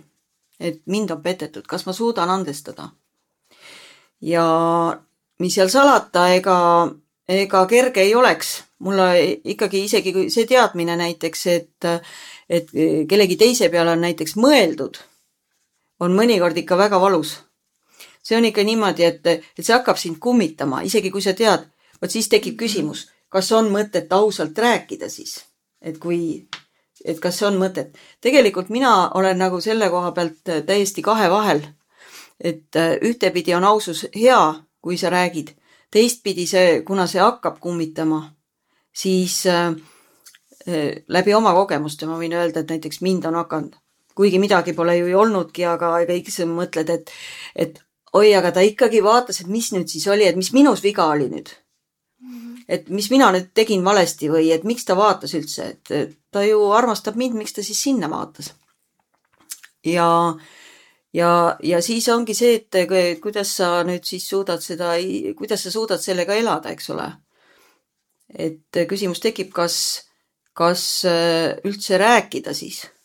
võib-olla, kui sa tegeled iseenda sees sellega, et sa oled hetkel, mingi vibratsioon on kellegi vastu tekkinud, mingi armumine, pead endale selgeks tegema, mis asi see on, kas see on nüüd arm, armastus või on äh, lihtsalt üks äh, vibratsioon, tundevibratsioon, millele ei tasuks nagu järgi anda. et kui sa selle enda sees selle tundega tegeled, siis sa ei peagi isegi minema tegelikult rääkima miks sa peaksid segama partnerit, eks ole? et ühtepidi jah, see aususe teema on nagu kahe otsaga, kahe teraga mõõk. kusjuures äh, see petmise osa ongi selline, et, äh, et on palju äh, suhteid ja üldse inimesi, kellel nagu ütleme, et kellel on see kogemus ja siis on inimesi, kellel ei ole see kogemus. ja inimesed, kellel ei ole seda kogemust, siis ma olengi täheldanud, et nad noh, neil ongi see, et ma mitte kunagi ei tee, ma mitte kunagi teha ei taha mm. -hmm ma olin kunagi ka selles kohas, kus äh, ma arvasin, et äh, ma mitte kunagi seda ei tee, kuni ühel hetkel sattusin sellisesse olukorda ja tegin. ja siis hakkasin pärast mõtestama, aga et millest need asjad siis tegelikult ikkagi tekivad. et näiteks minu puhul isiklikult oli see, kus ma, kus äh, suhtes oligi selline väga suur valukoht, kus ma jäin väga palju puudu sellisest armastusest, tähelepanust, mida ma vajasin, sest mul oli mm -hmm. raske, mehel oli raske, sest meil oli selja taga just selline suurem draama, kus lõpetasin nii-öelda oma sellise pikemaajalise äritegemise ära, mis temale nagu nii-öelda ja valisin selle äritegemise asemel hoopis midagi muud, mida tema ei oleks elu sees arvanud. ja kuna see oli väga palju temaga seotud, siis tema jaoks oli see väga suur draama, et kuidas ma sellist asja üldse tegin, onju. ja see tekitas meie suhtesse augu.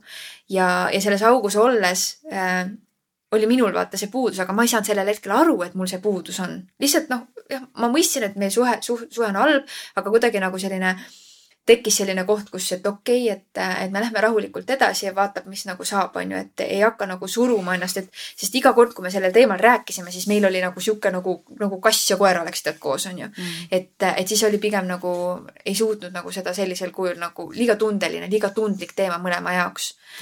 ei mõistnud teineteist ja siis ilmuski äh, minu ellu teine meesterahvas, kes hakkas samamoodi järjepidevalt sedasama asja pakkuma sedasama mhm. armastust pakkuma, seda tähelepanu, millest mul oli puudu. Ja see pani mu keha niimoodi reageerima mida mul polnud mitte kunagi varem juhtunud. see mees oli ise ka selline, kes oskas energi-, energiatega toimetada. ehk siis ta kindlasti teatud mõttes võib-olla oskas seda ka manipuleerida, onju. sellega on, sellega on võimalik manipuleerida. sellega on võimalik manipuleerida ja ma olen seda täna mõistnud ja tegelikult, äh, tegelikult see on ka üks asi, mida peaks rääkima naistega ja naistele mm.. sest et äh, on palju naisi, kes äh, võivad sellega sattuda selles mõttes ohvriks ja tegelikult nad ühel hetkel mõtlevad, et kurat, mille pärast ma tegin.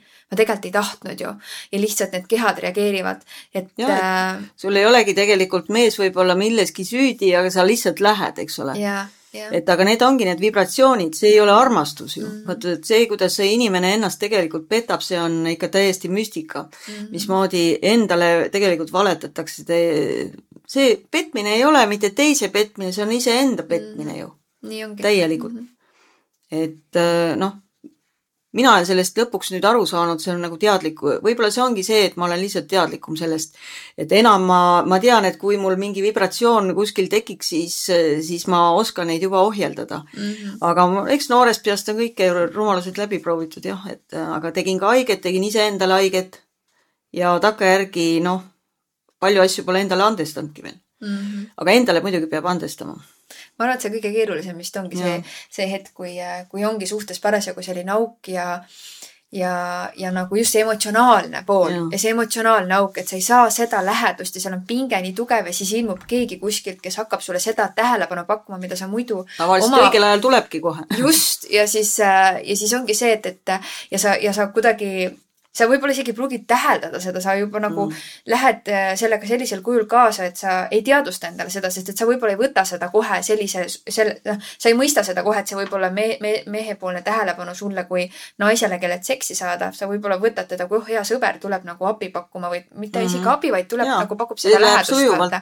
ja see läheb sujuvalt niimoodi üle, et sa ei saagi aru, et minul midagi sellist tegelikult juhtuski ja ega, ega sa ei tea tegelikult äh, selle inimese motivatsioone ju mm. -hmm. tema võib hoopis sinuga tõesti mängida, võib-olla mm -hmm. hetke tuju rahuldada, aga see on, see on nagu see, et tal on lihtsalt head manipuleerimisvõimed olemas mm, -hmm. aga sa ei näe seda mm. -hmm. sinu jaoks need vibratsioonid toimivad, sest sul on sellest puudus mm. -hmm. ja, ja siis lähed aga vaata, kui sa õpid selle aja jooksul, no mina, minu, minule jäi, minul jäid need äh, petmise aeg nagu sinna noorusesse, kui ma kahekümne viiene umbes olin. praegu olen ma siis viiekümnene, nüüd ma olen lihtsalt, lihtsalt nagu läbi seedinud, läbi enda selle seedinud, et ma ei, püüan nende vibratsioonidega lihtsalt toime tulla mm -hmm. iseenda sees mm, -hmm. et mitte teha oma kaaslasele haiget, sest see ongi see empaatia küsimus, et sa pead ennast samasse olukorda panema kus, kus tema, kuhu tema satub. kui sina nii teed. Vot siis sa ei peta lihtsalt. et isegi kui oleks võimalusi, võimalusi mm -hmm. tuleb tohutult, aga ja. sa ei tee seda. see sügav mõistmine ja, ja üksteise kuulamine sellel hetkel on kõige olulisem. meie puhul oli see, et, et on toimunud nagu selline tervenemine peale seda, et mm., et võib-olla isegi saime nagu rohkem lähedasemaks, et mõista nagu seda, et ja tema proovis mõista mind, et aga, et mis siis pani mind üldse nii kaugele viima, on ju. et, äh, et meie jaoks oli hästi suur õppetund tegelikult, hästi suur, aga hästi nagu selles mõttes tugev, et, et ta on viinud meid edasi et selles mõttes, et mina näiteks äh, täna ütleme, et ma ei ütle seda, et ma tahaks nüüd petta, aga ma ütlen selles mõttes, et see kogemus oli positiivne tegelikult. ta tundub nii negatiivne, nii valus, mitte kellegi, keegi ei tahaks seda kunagi kogeda. no see on magus. keelatud vilin on alati magus no üleüldse nagu see protsess ise nagu see, see, et see petmine, et see, et see, et see, mis see tagajärg on sellele, et see on ülimalt nagu valus. aga samas on see ülimalt selles mõttes õpetlik tegelikult, et sa mm. just see sügavuse poole pealt, et kui sa päriselt tahad sellel hetkel mõista seda teist poolt ja see teine pool sind mõista, et edasi ja. liikuda, siis on see väga-väga õpetlik. et, et selles mõttes, et kui nagu kes iganes, kes meid praegu hetkel kuulab, on ju. et kui temal kunagi selline kogemus oli või peaks tulema, et siis mina ei soovita võtta seda kohe nagu raudkindla põhimõttega, et nii, nüüd on nii, et nüüd on nüüd suhe läbi. tegelikult ei pruugi olla, see suhe võib veel parem tulla peale seda ja veel lähedasem suhe võib sealt tulla mõnele võib-olla mõjub tervendavalt, mõnele mitte, mm. aga üks asi, see jääb ikkagi, ikkagi hinge jääb see ikkagi, isegi kui te tervendate seda suhet, olemasolevat mm. suhet, mille kõrvalt see kõrvalsuhe tekkis, siis äh, see äh, oleneb muidugi inimese valulävest.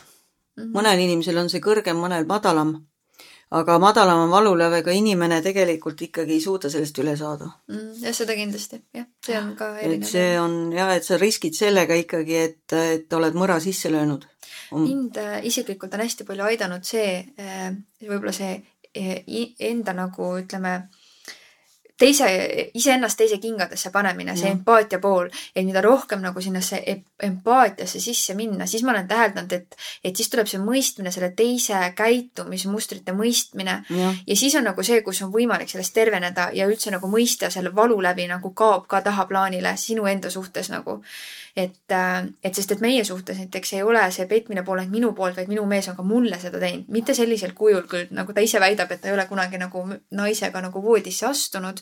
aga kõik need nii-öelda, mis ma olen avastanud, leidnud, mingid kirjad välja tulnud, siis nad kõik on väga palju selles suunas, et põhimõtteliselt seal on ainult üks väike samm ja see asi oleks nii või see, või see kiri on täpselt selline, et kuule, et sa nüüd küll oled selle ära teinud, on ju. see mõjub sellel hetkel sama valusalt. isegi kui ta võib öelda, et ta tegelikult seda ei teinud, on ju, sa kunagi kunagi ei tea sada protsenti. aga et, äh, aga minu puhul näiteks samamoodi, et äh, et õppida nagu teda mõistma, et mis on see, mis teda nagu pani niimoodi tegema. või et, äh, et mm., et, et see on nagu ütleme ka samamoodi jälle lähedasemaks teinud, et, et näiteks naiste puhul, et naisel on hästi kerge öelda mehele, et sa petsid mind, et ma nüüd, sa ei armasta mind ja sa, sa oled paha, onju. aga minu esimene reaktsioon oli, kui ma esimest korda midagi sellist avastasin, oli see, et okei okay,, aga ma ei taha, et see suhe oleks läbi, ma tahan teada, mis on see põhjus, miks ta üldse niimoodi nagu, nagu tegi, mis on see põhjus nagu mi, mi, mis see, mis see nagu, mis see tung on, mis teda sinna ajendas vaata, arendada mõista. ikkagi seda are, nagu sellest punktist, kus te parajasti olete, sellest nagu edasi liikuda mm -hmm. ja, ja palju küpsemaks saada, eks ole mm. -hmm. just, see küpsus jah, ütleme, et see on selline aga see algab andestamisest muidugi, see ja. on ikkagi kõige tähtsam, et muidu ei ole võimalik jah, samas andestamine, minu puhul näiteks mina olen aru saanud seda, et andestamine on minu puhul alguse saanud just sellest kohast, et, et okei okay,, et aga et ma siis äh, mõistan, et äh, et ta ei teinud seda mulle pahatahtlikult, ei teinud seda sellepärast, et ta mind ei armastaks. ta tegi seda millegipärast enda pärast, mingisugune enda tungi pärast. mina ei ja ole selles, kes on tegelikult otseselt ju süüdi, vaata mm. -hmm. et, äh, et ma ei saa ennast süüdistada, me hakkame ju tihtilugu iseennast jälle süüdistama. nii on jah. aga ma lähen korra edasi selle teemaga, et, et mis ma tahtsin küsida, et, äh, et väga palju mõjutavad meie suhteid täna ka erinevad kogemused, mis meil selja taga on, lapsepõlvekogemused, traumad ja ma olen aru saanud, ka sinul on oma kogemus on, olnud, mis on mõjutanud sinu suhteid. et räägi sellest natuke, mis kogemused sul on olnud ja, ja nagu mis ja kuidas on see mõjutanud sinu suhet ja kuidas, kuidas see suhe täna sul nagu on? no kõigepealt ikkagi jah, algas, ma olen äh, lapsepõlves kogenud äh koolivägivalda või mitte koolivägivalda, vaid kiusamist päris vägivallaks ei ole läinud, keegi peksa ei ole andnud mulle, on, aga aga ütleme nii, et, et selline mõnitav käitumine ja, ja, ja alandamine ja et see e, ikka tegi üsna katki mind. et äh, kui ma olin äh, tüdruk, seitsme, äh, seitse aastat pidin nagu läbi elama seda, et et ma ei ole vastuvõetav mm. -hmm. Et ma ei ole piisav. ja läbi selle, selle kogemuse ma tundsin kogu aeg, et ma pean nagu ennast kogu aeg tõestama kellelegi. et see on mõjutanud ka hilisemaid suhteid loomulikult, isegi suhetes. et äh, lapsepõlv hakkab äh, mõjutama see kasvõi vanematega suhtlemisel ja niimoodi. me muidugi vot sel ajal, sellest ajast, sellest põlvkonnast, kust mina olen pärit, äh, on ka see selline vitsahirm ja kõik see on olnud, et lihtsalt kasvatusmeetodid olid teised kui praegu. ja no see ei ole otseselt mind niimoodi väga nagu halvas mõttes mõjutanudki, et ma olen pigem oma vanematele väga tänulik, et nad on olnud väga sellised no, no võib-olla nad olid kärsitud, aga nad tahtsid ju kõige paremat ja tegelikult äh, selles suhtes ma olen ääretult tänulik, et tänu nendele olen ma see, kes ma olen täna mm. -hmm. ja samas mõjutas mind kõige rohkem ikkagi see kooli kiusamisteema, et et kui sa lähed kooli ja sulle, sind surutakse nurka, sa lähed kuhugi nutma ja sulle, sa ei taha minna sinna kooli, siis see, see jääb nagu kummitama, ma isegi täiskasvanuna palju vanemas eas nägin isegi sellist und, kuidas ma iseendaga satun kokku sealsamas koolis oma väikse, väikse minaga mm. -hmm. ja, ja püüan iseennast, iseenda mina rahustada, et, et kõik saab korda.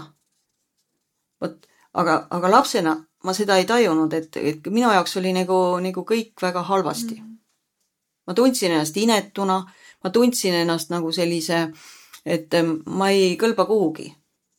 Aga see, selle, see, see, selle kallal nagu töötatigi seitse aastat mm. -hmm et sellepärast ma rõhutan, et lapsevanemad peaksid eriti ikkagi jälgima oma laste käekäiku, et kuidas neil koolis läheb, et see mõjutab tervet elu, et need katkised hinged tulevad sealt koolist juba tihtipeale mm. -hmm aga kuidas see nagu, kuidas sa tunned, kuidas see su tänast suhet üldse mõjutanud on? et, et kas on olnud mingeid selliseid äh, kogemusi suhtes, kus on see nagu välja tulnud, et okei okay,, et, et meie suht-, suhtluses täna see olukord on põhjustatud sellest, et ma lapsena kogesin sellist? no ma arvan, et see, see näiteks mu te, teise abielu ajalgi ma tundsin lihtsalt seda, et ma tundsin allasurutuna ennast tihti ja, ja, ja eh, just see, et kogu aeg nagu ma eh, selles suhtes pean nagu midagi tõestama ja samas on see, et ma kaotasin nagu iseenda mm. -hmm.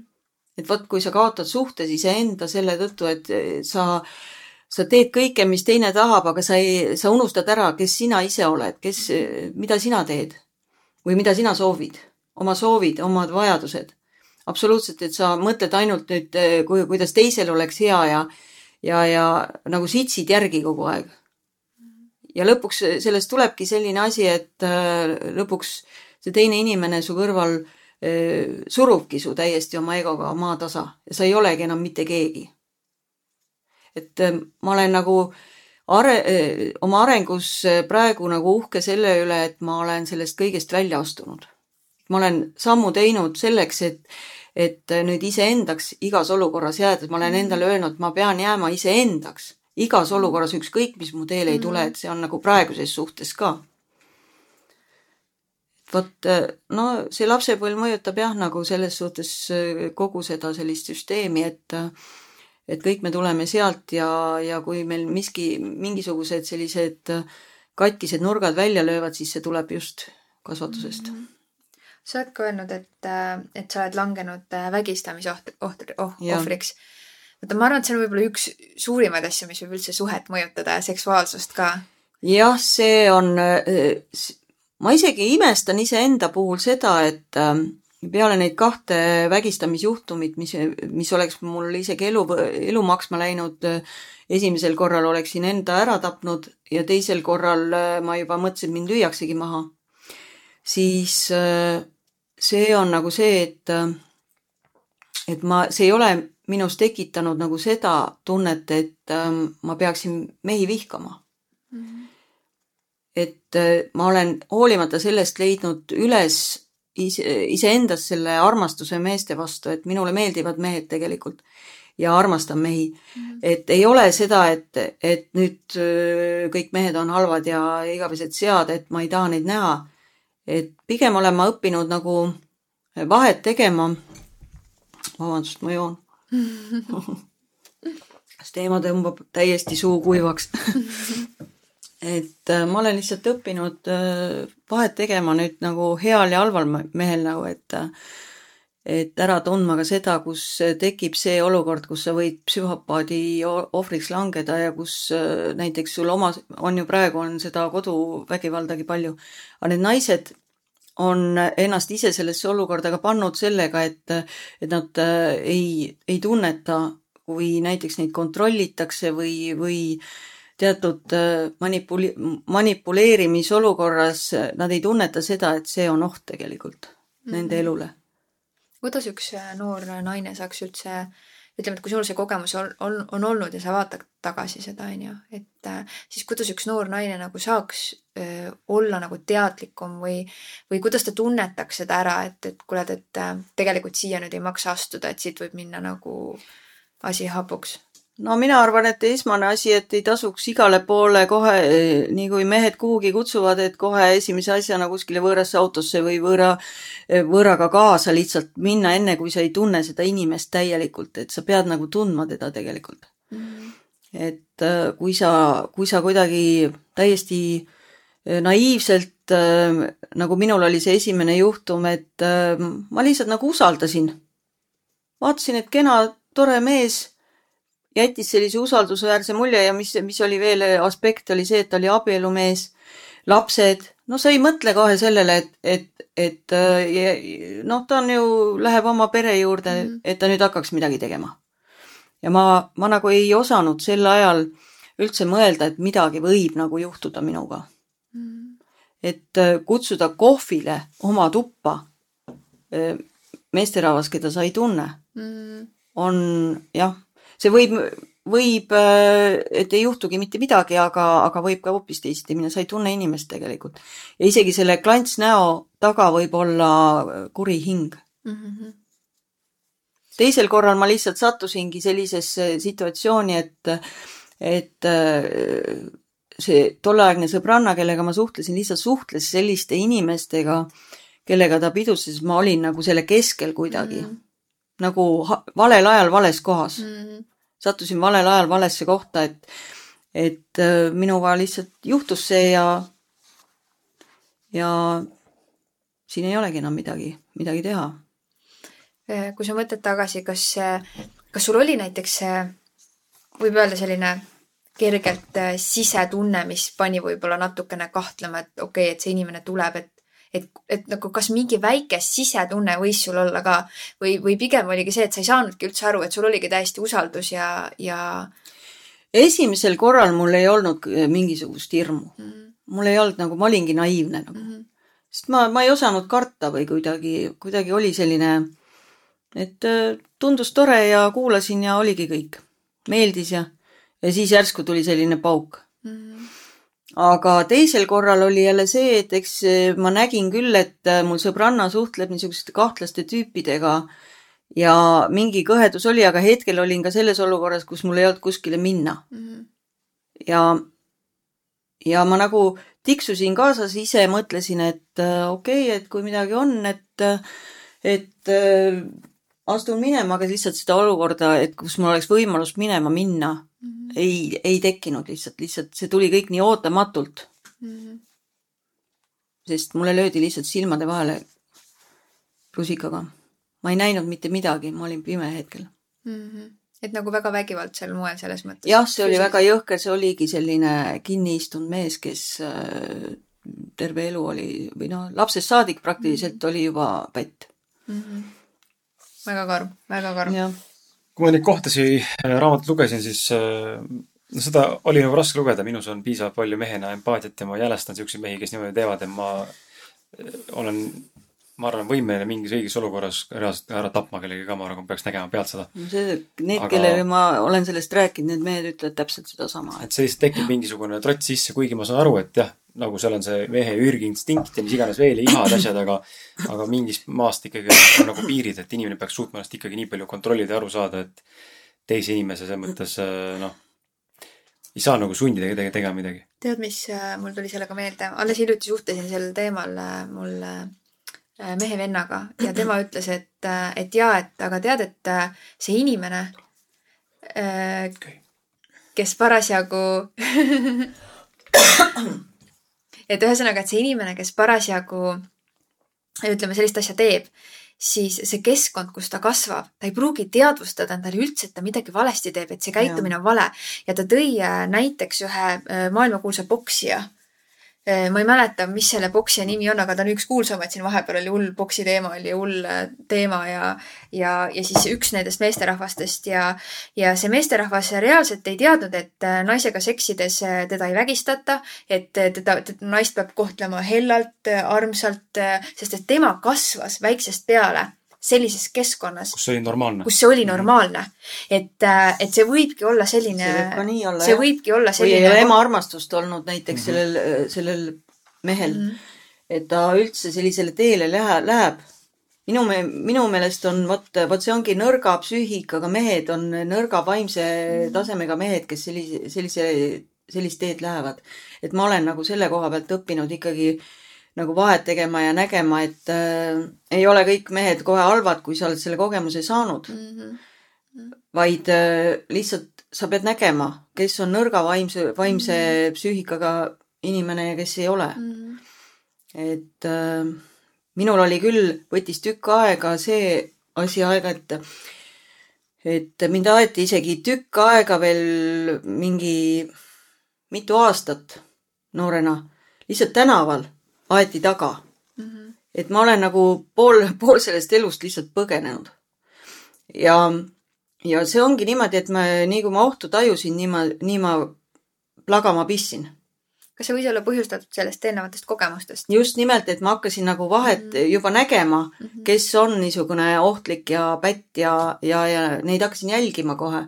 alguses ma olin üldse, üldse peale seda ma ei julgenud tänavalegi minna ei julge, vaatasin nurgataguseid ja noh, see, see viimane vägistamisjuhtum oligi siis sellepärast no, noh, nagu seesama mees tahtis minuga veel umbes, tahtiski mingit suhet veel arendama hakata, aga ma umbes, et abiellume.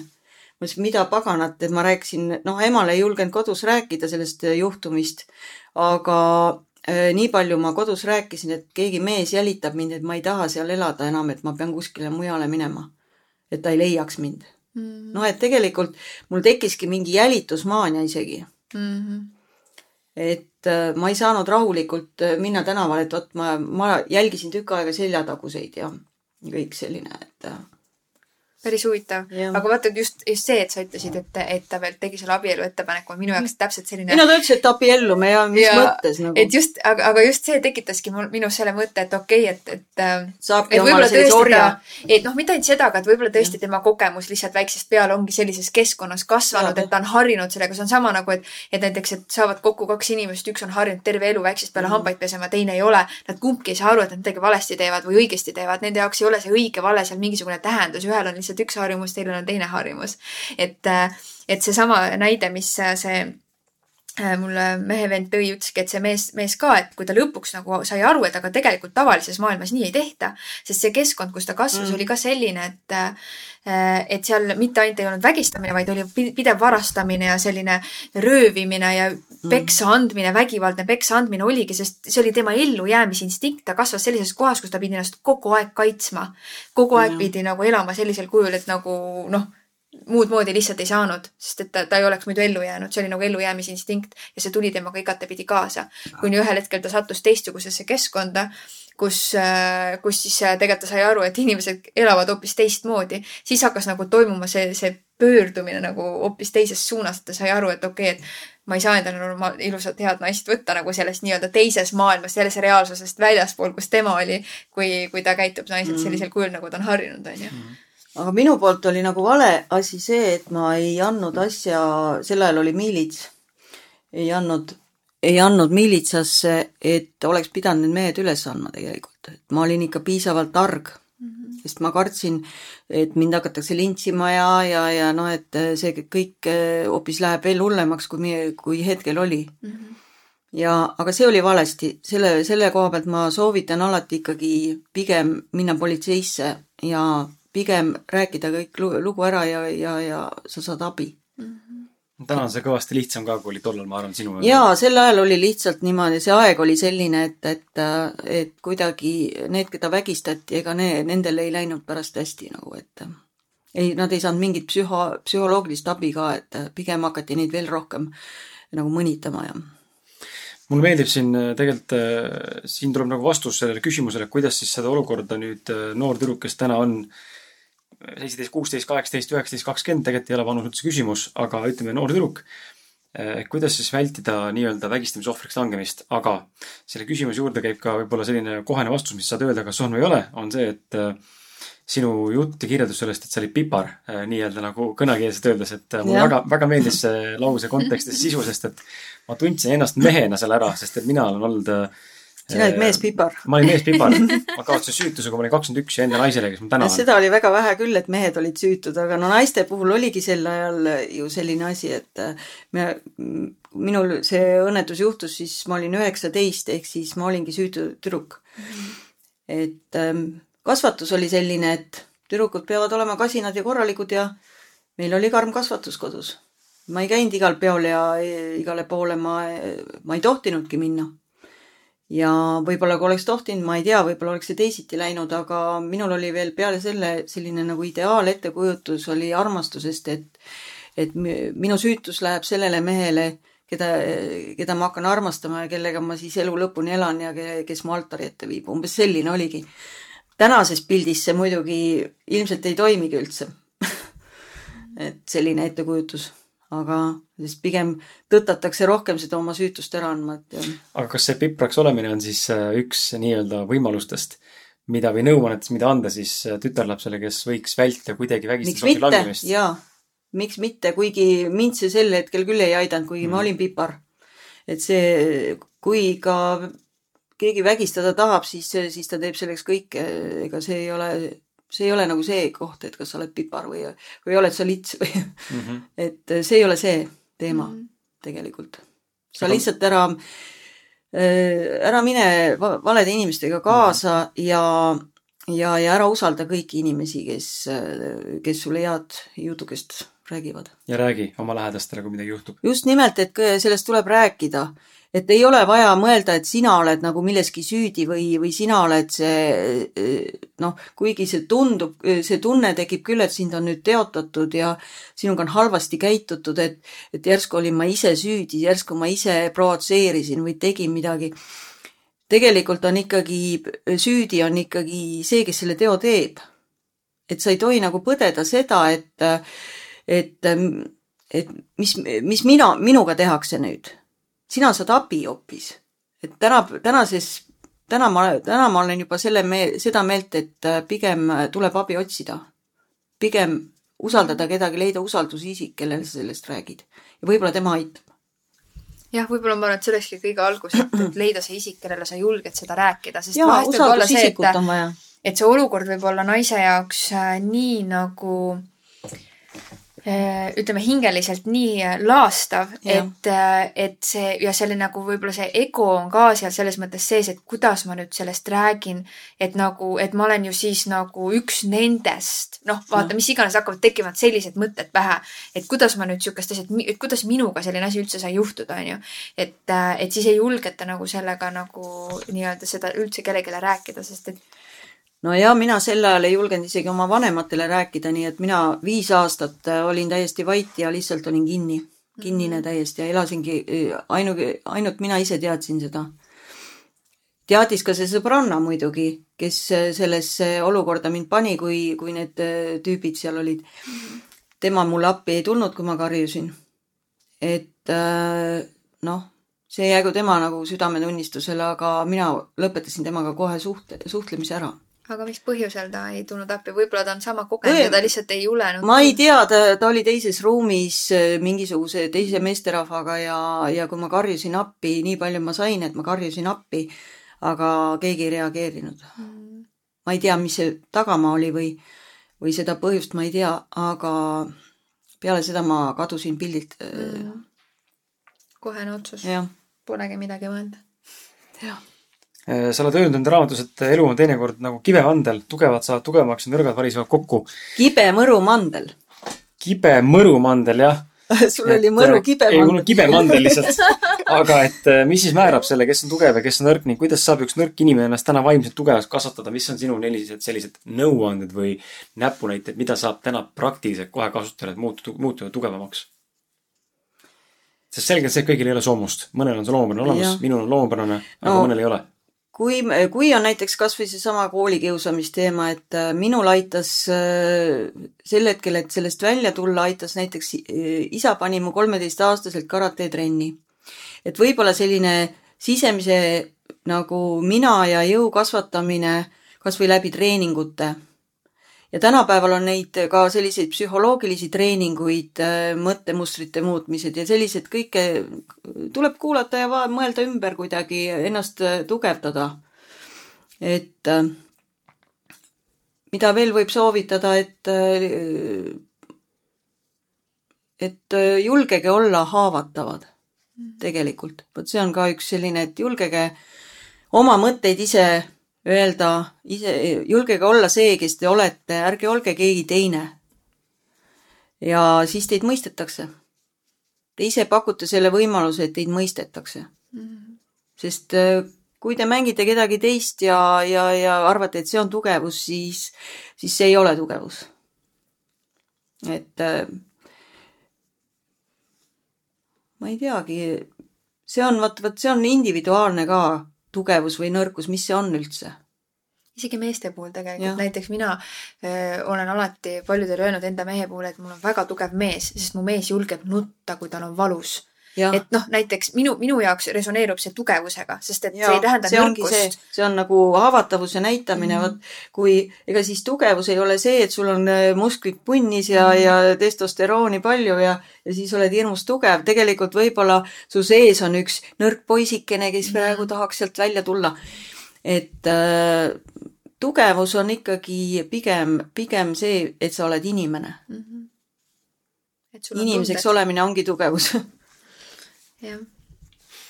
number kakskümmend viis käis siin eelnevalt läbi meie saates, vanusenumber kakskümmend viis. Äh, ma tahan, sa räägiksid selle, selle vaimuka loo, sest et mulle väga meeldis lugeda seda raamatust, et sa maskeerisid end kahekümne viie aastaselt äh, äh, eksperimendi mõttes siis idendi-, identiteedi eksperimendi mõttes meheks. jah Äh, räägi palun, miks, miks ja mida see õpetas sulle? ma tahtsin lihtsalt äh, vastuseid saada natukene meestemaailmast ka. Sel ajal oli selline ja kuna mul see, see, mul oli võim käes ennast muuta, kuna ma olin grimeerija, siis öö, otsustasingi selle eksperimendi enda peal ära teha, et vaatame, mis saama hakkab. see oli nagu väike seiklus või nii.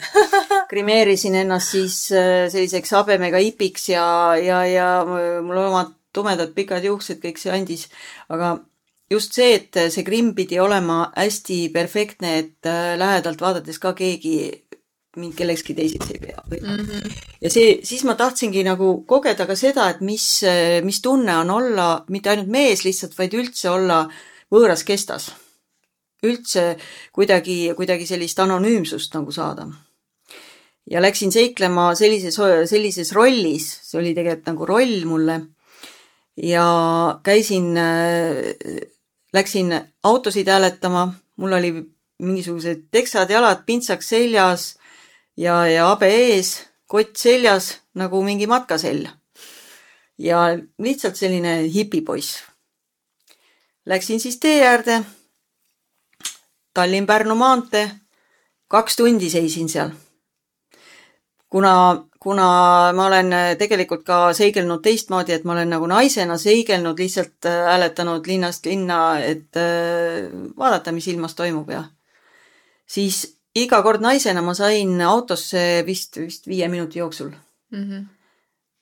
ja hipina seal tee ääres olles ma pidin ikka pikalt ootama kaks tundi, et meesterahvaid ikka ei võeta niimoodi, tunduvad kahtlased selline karvan, karvane ka veel seal, noh, see oli jah, pikk selline ootamine ja, ja lõpuks siis äh, tuli üks sel ajal Tallinn Film, Tallinn Filmi buss, selline plekist laskbuss ja võttis mu peale. huvitaval kombel see Tallinn Filmi tegelane ei, ei saanud aru, et Krimm on tehtud. kuigi nad puutuvad sellega nagu igapäevaselt Mhm. kokku Õnneks ta väga palju nagu mind ei, ei küsitlenud ega ma väga palju ei pidanud rääkima, sest ega seda häält on ikka väga raske madalaks teha. vot ma just sellepärast mõtlesingi, et kuidas sa nüüd nüüd seal ja, ja, niimoodi. ja et äh, proovisin, aga ma ise tajusin, et oma kõrvaga, et, et see tämber ikka ei ole päris see, et see, see on päris reetlik tegelikult mm. -hmm. ja kuidagi, aga õnneks, õnneks ta jah, oli selline kidakeelne, et ma sain tukkuda isegi seal niimoodi kuni Pärnuni välja ja jõudsin Pärnu siis. siis äh, oli vaja kohe vetsu minna. Läksin bussijaama. aga kummasse minna siis? Läksin meeste WC-sse. muidu oleks vist naiste poolel seal kisa tõst- tõstetud, eks ole. aga noh, ega ma muidugi, muidugi läksin kabiini mm. -hmm. ise värisesin küll, oli eh, jalg vibas, et mi- mis nüüd saab, et kas keegi saab aru, et mingi naine on siin parajasti asjatamas või, või mis. Ja, ja siis edasi seiklesin niimoodi, et käisin seal Pärnu Endla teatrist mööda, seal olid mul vanad tuttavad, ma sel ajal olin ka Endlaga seotud. ja käisin mööda seal, vaatan, et kas keegi hõikab, et Jana. ei, keegi ei pannud mind tähelegi et see anonüümsus tegelikult annab sellise tohutu võimutunde tegelikult, et vot sind ei tunne mitte keegi, et sa oled täiesti, täiesti selline äh, incognito nagu mm. Mhm. Et äh, see oli omamoodi huvitav kogemus, et mitte keegi sind ei tea, seda Jaanat tegelikult nagu maamunal parajasti ei olegi. on mingisugune X tegelane, ma ei tea, pane nimi, mis tahad, eks mm. ja, ja see oli nagu hästi põnev selline tunne. tundsin maailma nabana ennast kas sa said nagu sellise mehe rollina teiste meestega suhelda ka rohkem või midagi? jaa, oli küll selline naljakas, ei, nii, palju ma ei hakanud seal suhtlema, et ma oleks kellelegi väga ligi hüpanud, aga, aga äh, läksin sinna jõe äärde piknikut pidama ja, ja, ja siis seal ujusid kaks meest.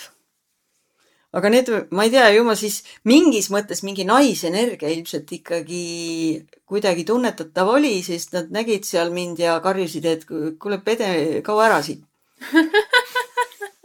noh, muidugi ma mõtlesin, et ma saan kolaka sealt ja, ja, ja läksingi ruttu minema sealt. Edasi siis jah, et süüa oli väga raske, see habe, kõik oli niisugune, no see liim oli hästi krampis suu ümber ja ma kogu aeg kartsin, et järsku hakkab kuskilt midagi pudenema. et väga naljakas oli. edasi ma hüppasin mingisuguse Tõstamaa bussi peale, et mõtlesin, et lähen, lähen, lähengi, seiklen edasi, et lähen metsa ööbisin metsas. Aga, aga vahepealne intsident oli seal bussis oli just see, et üks naisterahvas hakkas mulle ise külge lööma. okei. et see oli hästi-hästi niisugune naljakas ja, ja, ja siis, siis mõtlesin, et jah, et noh, et lootust ei taha nagu anda, et pärast ei saa lahti.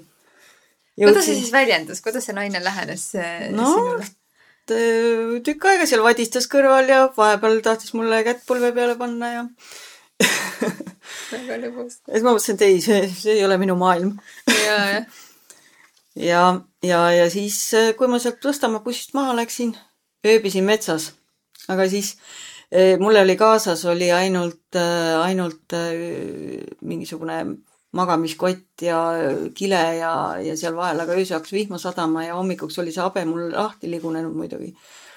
Nägin mingisugust sellist unenägu ka, mis, et ma oleks nagu haua peal maganud ja oli päris hirmutav, tõusin üles keset metsa ja ja, ja siis äh, mõtlesingi, et okei okay,, et ma vaatan, kus ma saan sööma minna, tõmbasin habemeest ära, et nüüd hakkan naiseks tagasi siis. ja seal kohvikus pidin ühele vanamehele, kes seal tuli ligi istuma, sinna üks vana, kohalik vanamees, et äh, rääkisin talle loo ära ja et mis ma siin korda saatsin ja see oli täiesti vaimustatud, ütles, et kleebi nüüd mulle habe ette, ma lähen oma Eite kodus rõõmustama. Ja, ja siis okei okay,, liimisin sealsamas talle selle habeme ette ja see jäigi sinna temale, aga siis ma piidlesin seal eemalt, et mis nüüd saama hakkab siis, kui ta, see naine oli tal seal vagude vahel, seal Järne vagude vahel ja ja, ja mis siis saab, et naine sõimas ta korralikult läbi, et mis, mis tibidega sa seal kohvikus seal käid nüüd kohtumas ja nii et mees tahtis head meelt teha, sai hoopis sõimu. lasin jalga kähku, et peksa ei saaks. ja, ja see te teine habemega lugu oli hoopis, hoopis, siis ma olin juba tunduvalt vanem, neljakümne viiene. olin äh, Soomes ja grimeerisin Conchita vorstiks ennast, et äh, meil oli selline block party oli salongiga, tema mm, -hmm. meil oli oma salong ja ja, ja siis oli ka selline asi, et tänaval karjuti, et Conchita, Conchita ja taheti laulma panna peaaegu, aga ma lasin kähku harvast. hästi naljakas oli. ma arvan, et see kolmas habemega nali tuleb veel, aga ma ei tea, millal kolm. ma olen kunagi sarnaselt teinud siis, kui kuristikus koolis sai käia, me oleme mm. ühest koolist pärit Krisiga mm. omal ajal sai käidud. ja siis meil oli koolis hästi populaarne oli mingil hetkel need ma ei mäleta, mis selle nimi oli, kus maskeerisid ka ennast mingiks kellegiks teiseks ja siis esin-, esinesid või, või tegid nagu kedagi järgi. ja siis me tegime toad tag'i Mariaga, sõbrannaga, klassiõega ja maskeerusime ka meheks, et meil oli kodus oli parasjagu üks äh, parukas üle ja mm, ja ma ei tea, kuskilt saime midagi veel, nii et rinnad äh, panime selle äh, Äh, sidemega niimoodi korralikult mm kinni, et ja siis pärast läksime linna peale ka chill isime, meil oli, endal oli marunaljakas ringi käia ja kusjuures ega enamik samamoodi, nad ei saanud aru, et me tüdrukud oleme.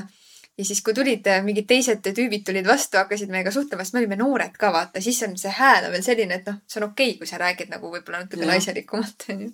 ja siis ütlesid, et me oleme tegelikult tüdrukud, siis me ei usu, näita mm. võtaks, äh, võtaks siia vahele siis viimase küsim-, viimase kahe küsimuse, tähendab mul tunnen isiklikult, et siin on kaks teemat, millest veel korra rääkida ja peatuda, et mm, jätaks selle eneseteostuse ja elukutse lõppu viimaseks, aga võtaks ette siis selle orgasmi teema ja, ja just see, mis mulle tundus, mida sa kirjeldasid seal raamatus väga hästi mis mulle nagu meeldis ka, sest ma näen, et tegelikult see mingil määral niimoodi tundubki olevat või kipub nüüd olema. et tundub, et justkui looduse poolt on paika pandud see, et mehed peavad saama orgasmi, peavad saama tähendab orgasmi ja, ja selline purske valla laskmine või siis nii-öelda äh, ejakuleerimine on aeg-ajalt selline asi, mis mehed lihtsalt, noh, lihtsalt tuleb välja saada endast, et seda sitta endast välja saada, eh, mis enda sees on kerkinud ja, ja see on energia ka veel. jaa, et ja. seda on vaja, eks ole, välja, väljutada nii-öelda, et eh, looduse poolt just nagu on nagu meile antud see, naised teisalt ei, ei vaja sellist väljutamist kogu aeg niimoodi. et eh, kihvt, kui see tuleb koos seksiga ja, või, või enda, enda nii-öelda mm. rahuldamisega, aga see ei ole nagu eesmärk ise. ei ole eesmärk omaette, jah. aga kuidas on siis, miks see niimoodi on sinu arvates ja, ja kuidas teha suhtes nii, et mõlemad saavad oma tahtmise ja vajaduse? no ma ei oska teiste naiste eest selles suhtes rääkida, et mina ise tunnetan lihtsalt äh, seksi niimoodi, et ja et äh, see on pigem nagu selline meeldiv protsess, mis paratamatult viib selle orgasmini või lõpuks kuid äh, millegipärast on nagu selline nagu väärarusaam, et, et see on nagu nüüd, et selle, seda orgasmi nagu peab saama või, või see on nagu mingisugune lõpp, lõpptulemus, mis peab tulema. mina ei ole sellega päriselt nõus, et, et ta just peaks, et vot kui sa kogu aeg nagu mõtled sellele, et, et kas ta nüüd tuleb või ei tule, siis tegelikult ta ei tule. et pigem sa naudi seda hetke, naudi seda protsessi, naudi seda seksi. ja see tuleb niikuinii siis mm -hmm. ju et muidugi igal naisel on omad, omad täiesti individuaalsed sellised tundmused selle koha pealt ja paljud ei ole üldse kogenudki võib-olla.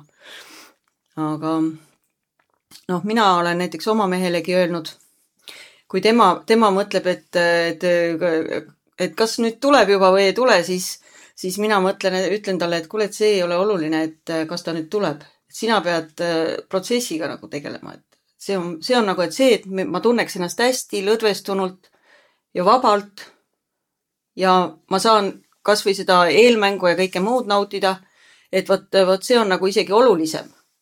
ja siis see lõpp tuleb iseenesest juba mm. -hmm. selleks ei ole üldse palju vaja. ainuke asi, mis on vaja, on e, päevasündmused ja igasugused häirivad asjad peast välja saada. kõik hakkab siit peast. seks hakkab peast. see on naist, meestel seda ei ole vist, mina mehena ei tunne, mul oleks ma suudan ennast mm -hmm. nagu lülitada niimoodi. aga naistel teisele. on see küll, see on mm -hmm. nagu selline nagu mingisugune takistav asi, kui, kui mm, isegi mingi vale sõna võib päeva, päeval näiteks on mingi asi ära rikkunud, mis jääb kummitama, see võib sul voodis ka hakata kummitama tegelikult. või, või noh, sellised äh, mingid nüansid tegelikult, et mis emotsionaalselt ei ole just meeldivad olnud, vot siis tekivad takistusi või see, et, et on äh, nagu läheb hästi pikalt, et, et äh, keskenduda või lõdvestuda suud kõige tähtsam on see lõdvestumine mm. -hmm. et naine saaks lõdvestuse. kui mees selle eest hoolitseb, et naine saab lõdvestutud, ükskõik millisel moel, siis miks ei mm, -hmm. tuleb. see on huvitav jah, sest ma ise olen näinud äh, enda puhul seda, kuidas äh, selline kursus aitab välja, aitab nagu vabastada pingeid ja asju nagu selles mõttes, et äh, teinekord sa tunned, ma nagu pean, noh, mingi, et ma ei ole nagu isegi, isegi ei ole seda nagu kiima või nagu nii-öelda iha enda naise vastu otseselt tol hetkel, aga sa tunned kuidagi endast seest ja just suguelundi piirkonnast tunnen täiega, kuidas miski nagu peab nagu välja saama. sihuke hästi raske. no meestel ole... on see ja isegi see ju pakitseb ja kõik on mm -hmm. nagu, et on raske olla, mul on mees ka öelnud sedasama, et, et nüüd tükk aega ei ole saanud, siis on ikka jama aga no samas on naistel sama asi mingis mõttes on, et kui ikka kaua ei ole, siis äh, ei ole olnud, siis hakkad juba imelikke unenägusid nägema ja tead, äh, ikka füüsiliselt mõjub, mõjutab küll tegelikult enesetunnet ja tervist ja kõike, et, et äh, tekib stress ja kui ei ole ikka kaua olnud näiteks seksi, et siis naine ka te, tegelikult see energiavahetus on see, see on kõige tähtsam asi on selle seksi juures see energiavahetus ju. et, et kui nagu seda energiat ei ole, seda meesenergiat ei ole naine saanud tükk aega siis, siis on samamoodi, ta hakkab kinni jooksma kuidagi. et ta hakkab oma äh, füüsilised hädad tulema ja haigused hakkavad tulema ja noh, kõik äh, kuni igasuguste psühhoosideni välja, et noh, see ongi need äh, igasugused dep-, depressioonid ja mingid sellised teemad nagu. aga räägi lõpetuseks inimestele sellist mm, ütleme nagu niisugust nõuannet, et viimasel on väga tugevalt praegu läbi raamatute, seminaride, koolituste, mis iganes viisil propageeritakse tugevalt seda enda elukutset, seda minu kirge või minu teed, minu asja, me kõik otsime midagi pidevalt ja mhm. sa enda raamatus ütlesid väga hästi, et et ilma eneseteostuse ja elukutseta puudub meil isiksuse identiteet, et sina teed, kirjutad raamatuid, oled grimeerija, võib-olla lisandub siin mingeid asju juurde, Eneli on siin põliskodudega, eks ole, aitab ka ausnaiste podcast'i teha, mina olen täna podcast'i välja mm, -hmm. kirjutan, mis iganes veel. teete asju, mis teile meeldib. jaa, aga kuidas nagu leida seda, mis mulle tegelikult meeldib, kui ma olen täna nagu blank, noh, mitte midagi aru ei saa või isegi ei tea, kuhu suunas vaadata, kus ma pihta hakkan? mis on sinu nagu viis? Mis mõttes blank? no selles mõttes blank, et ma nagu pean tühi, noh, ma ei tea, kuhu minna, mida Aa, teha. ei ole ideed. ei ole ideid jah, ei ole nagu isegi huvi võib-olla, et ma ei tea, mul pole no, huvi. mul on, mul on äh, isegi elukaaslasel seesama teema, et vahepeal lööb nagu identiteedikriisi ette sellepärast, et lihtsalt ta ei tea, mida, mida, mida teha või mis talle meeldiks kõik, et ta tahaks teha ainult neid asju, mis meeldib, aga ta ei tea, mida, mis talle meeldib. ja noh, mina olen kogenud selles mõttes, et mul oli vahepeal ka, no see, ma olen olnud küll eluaeg siin äh, juuksur ja grimeerija, aga nüüd mul, mul tuli järsku see risttee ette, et äh, kas see on siis nüüd kõik, mida mina nagu elult tahangi või? et vot see kirjutamine hakkas ka nagu see, sellest just nimelt, et see raamat ilmuks ikkagi, ma oleks võinud selle ka sahtlisse kirjutada ja jättagi ta ilmutamata või mm, -hmm. või üldse mitte kirjutada.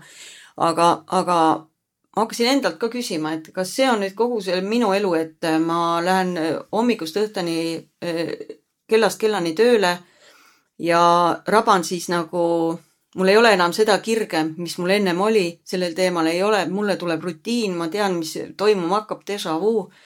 ja, ja vot see, see selline äh, nagu enesekaotus hakkas tekkima just nimelt sellest, et, et ma tundsin, et äh, mul on igav lihtsalt.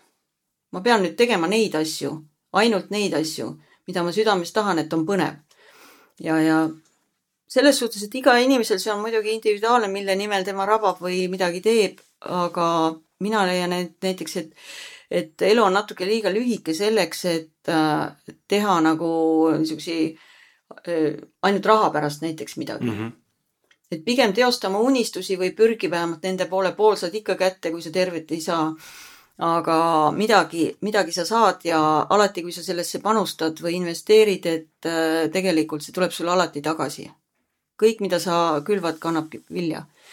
et äh, ma olen seda nüüd äh, eriti viimasel ajal olengi peale seda raamatut ja üldse olen hakanud seda täiesti omal nahal tajuma, mismoodi kõik asjad, mida sa nagu, mille suunas sa natukene e, isegi oma peas või energeetiliselt või, või kasvõi väikeste sammudena liigutad, see tegelikult hakkab ise sinu poole tulema lõpuks. see kõik tuleb, kõik teed lähevad ise lahti nagu.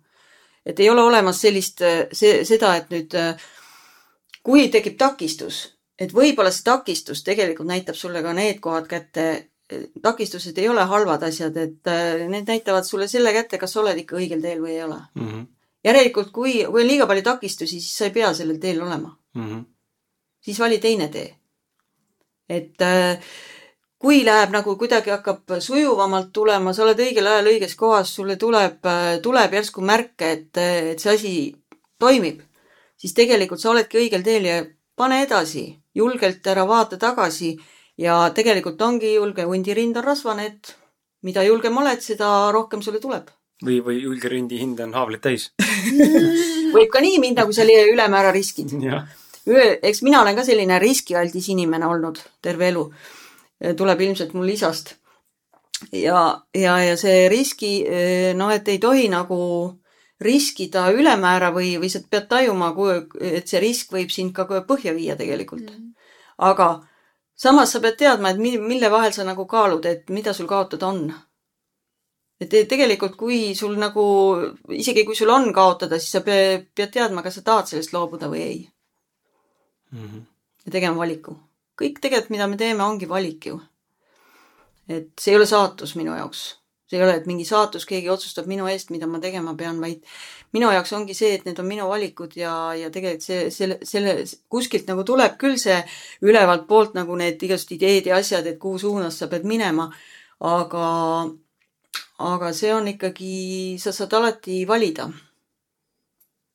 ei ole nagu sellist asja, et sa valida ei saa, et sa oled mm -hmm. nagu kuidagi pandud fakti ette, et sa pead seal olema vahel on, vahel ei ole, aga üldiselt on see on, tead, selle valikuga mul praegu tuleb äh, see mõte, et, et sellel hetkel, kui sa ei tea mm -hmm. midagi, mida sa tahaksid, aga sa tahaksid nii väga midagi, siis, siis, siis on nagu see mugavuse mõttes nii väga tahaks, et keegi ütleks mulle, mida ma tegema pean ja ma lihtsalt tegelikult sul on vastus juba endal olemas tihtilugu ongi, aga lihtsalt sellel hetkel on see segadus, sa ei pruugi aru saada, et, et, keegi just, et võiks tulla öelda, et näed, see on nüüd see, on ju. et siis, et just, et siis nagu sa tahaksid, see saatus oleks olemas. aga teisest küljest on see, et kui sa nagu tahad ise juhtida kogu protsessi, siis on see, et mis mõttes nagu keegi ütleb, et mul on mingi saatus, et ma ise valin, kuidas ma neid asju teen. see algab ka sellest, et vaata, kuidas sa ise nagu äh, mõtled, kuidas oma mõtteid äh, muud, suu-, suunad mm. -hmm. kui sa mõtled kogu aeg, et ei, see ei õnnestu, jama, jama ja ja, ja tegelikult need jamad tulevad sulle kolinal kohe tulevadki. nii kui, nii kui sa selle peale nagu kas mõtled või selle isegi välja ütled. et see on nagu kuidagi see energeetiline maailm on tegelikult nii tihkelt täis neid äh, selliseid sinu enda, sinu enda mõttemustreid, et kas sa nüüd mõtled, mõtled, et nüüd kõik läheb hästi, sul ei saa midagi ebaõnnestuda, see ei ebaõnnestu. vot ega ta ei ebaõnnestugi tegelikult ja kui seal tuleb väike takistus, see on kogemus mm. -hmm. sellest sa pead õppima, see on see sinu õppimise koht. just, nõus. aitäh sulle, Jana. aitäh teile ka, et te mind kutsusite, päris põnev oli. rohkem ei piina sind, kaks tundi ja kaks minutit täis tiksunud. Ehm, mul on sulle kingitus ka oi, kingitused mulle meeldivad. mu enda, mu enda raamat, et äh, me leppisime kokku, me teeme raamatuvahetuse, et äh, kui palju sa siit noore inimese pilgust midagi õpid või näed või aru Noore, saad? noortelt inimestelt on alati midagi õppida, ma õpin oma pojalt ka väga palju. oma tütrelt olen õppinud ja pojalt ja et see on alati nii, jah. Ma... meil on õppida küll. panin su väikse pühenduse ka sisse siia, küll inglise keeles ja kuna mul enda raamat on otsas, äh, tiraaž on läbi, siis äh, need on mingid üksikud raamatud, mis mul eelmisest live podcast'ist jäid alles mm. -hmm. ehk siis ma pean sinust vabandama, siin on kakskümmend seitse november kaks tuhat üheksateist kuupäev alla pandud. Äh, kuna ma kirjutasin need ürituse jaoks valmis, need mingi koguse, mis ei läinud müüki. sellest ei ole midagi. aga siin nimi, nimi on olemas koos Jaanakesega. jah, aitäh. aitäh sulle. ja, ja sulle, armas kuulaja, ei olegi rohkem, tegelikult veel, Jaana, kus su raamatut osta saab? Kus me leiame raamatut? minu raamatut saab osta kõikidest raamatukauplustest, minu enda käest saab osta ja, ja Pilgrimi muusa, muusapoest. see on kirjastus Pilgrimi raamat ja saab küsida muusast. või siis Apollost või Rahva Raamatust mm, -hmm, kust iganes mm. -hmm. leitav igalt poolt? jah, leitav okay. igalt poolt. väga hea. ja, ja nii ongi, mine on kaks raamatut, lugege, lugege raamatut äh, kui naine armastab meest, sest et see paneb mõtlema nii mehi kui naisi, ma olen jumala kindel selles, et noh, mina ise kinnitan seda, mulle väga meeldib see raamat ja väga hästi kirjutatud. jään ootama siis raamatut, et kui mees armastab naist no ma pean mõtlema jah selle peale siis kui juba tellimus on tehtud. oleks hea, kui on nagu sama brändi alt, sama nime alt. see ei ole üldse jah, see on väga hea mõte, et, et ma seedin seda jaa, vot, aga aitäh sulle, armas kuulaja, et sa vastu pidasid kaks tundi ja nagu ikka, tee meile teene, jaga seda saadet või siis tervet podcast'i Ausad mehed brändi nii-öelda ühe oma sõbraga ja aita levitada meie ja siis kuulaja eh, sõnumit laia publikuga ja liigume koos ühise eesmärgi suunas, milleks on saada iseenda paremaks versiooniks läbi nende teemade, mida me siin puudutame ja millega elus kokku puutume. aitäh sulle, et sa kuulasid ja sinuga kohtume juba esmaspäeval Inspiratsiooni valangu saates ja reedel uues saates koos külalistega, tšau! Ciao.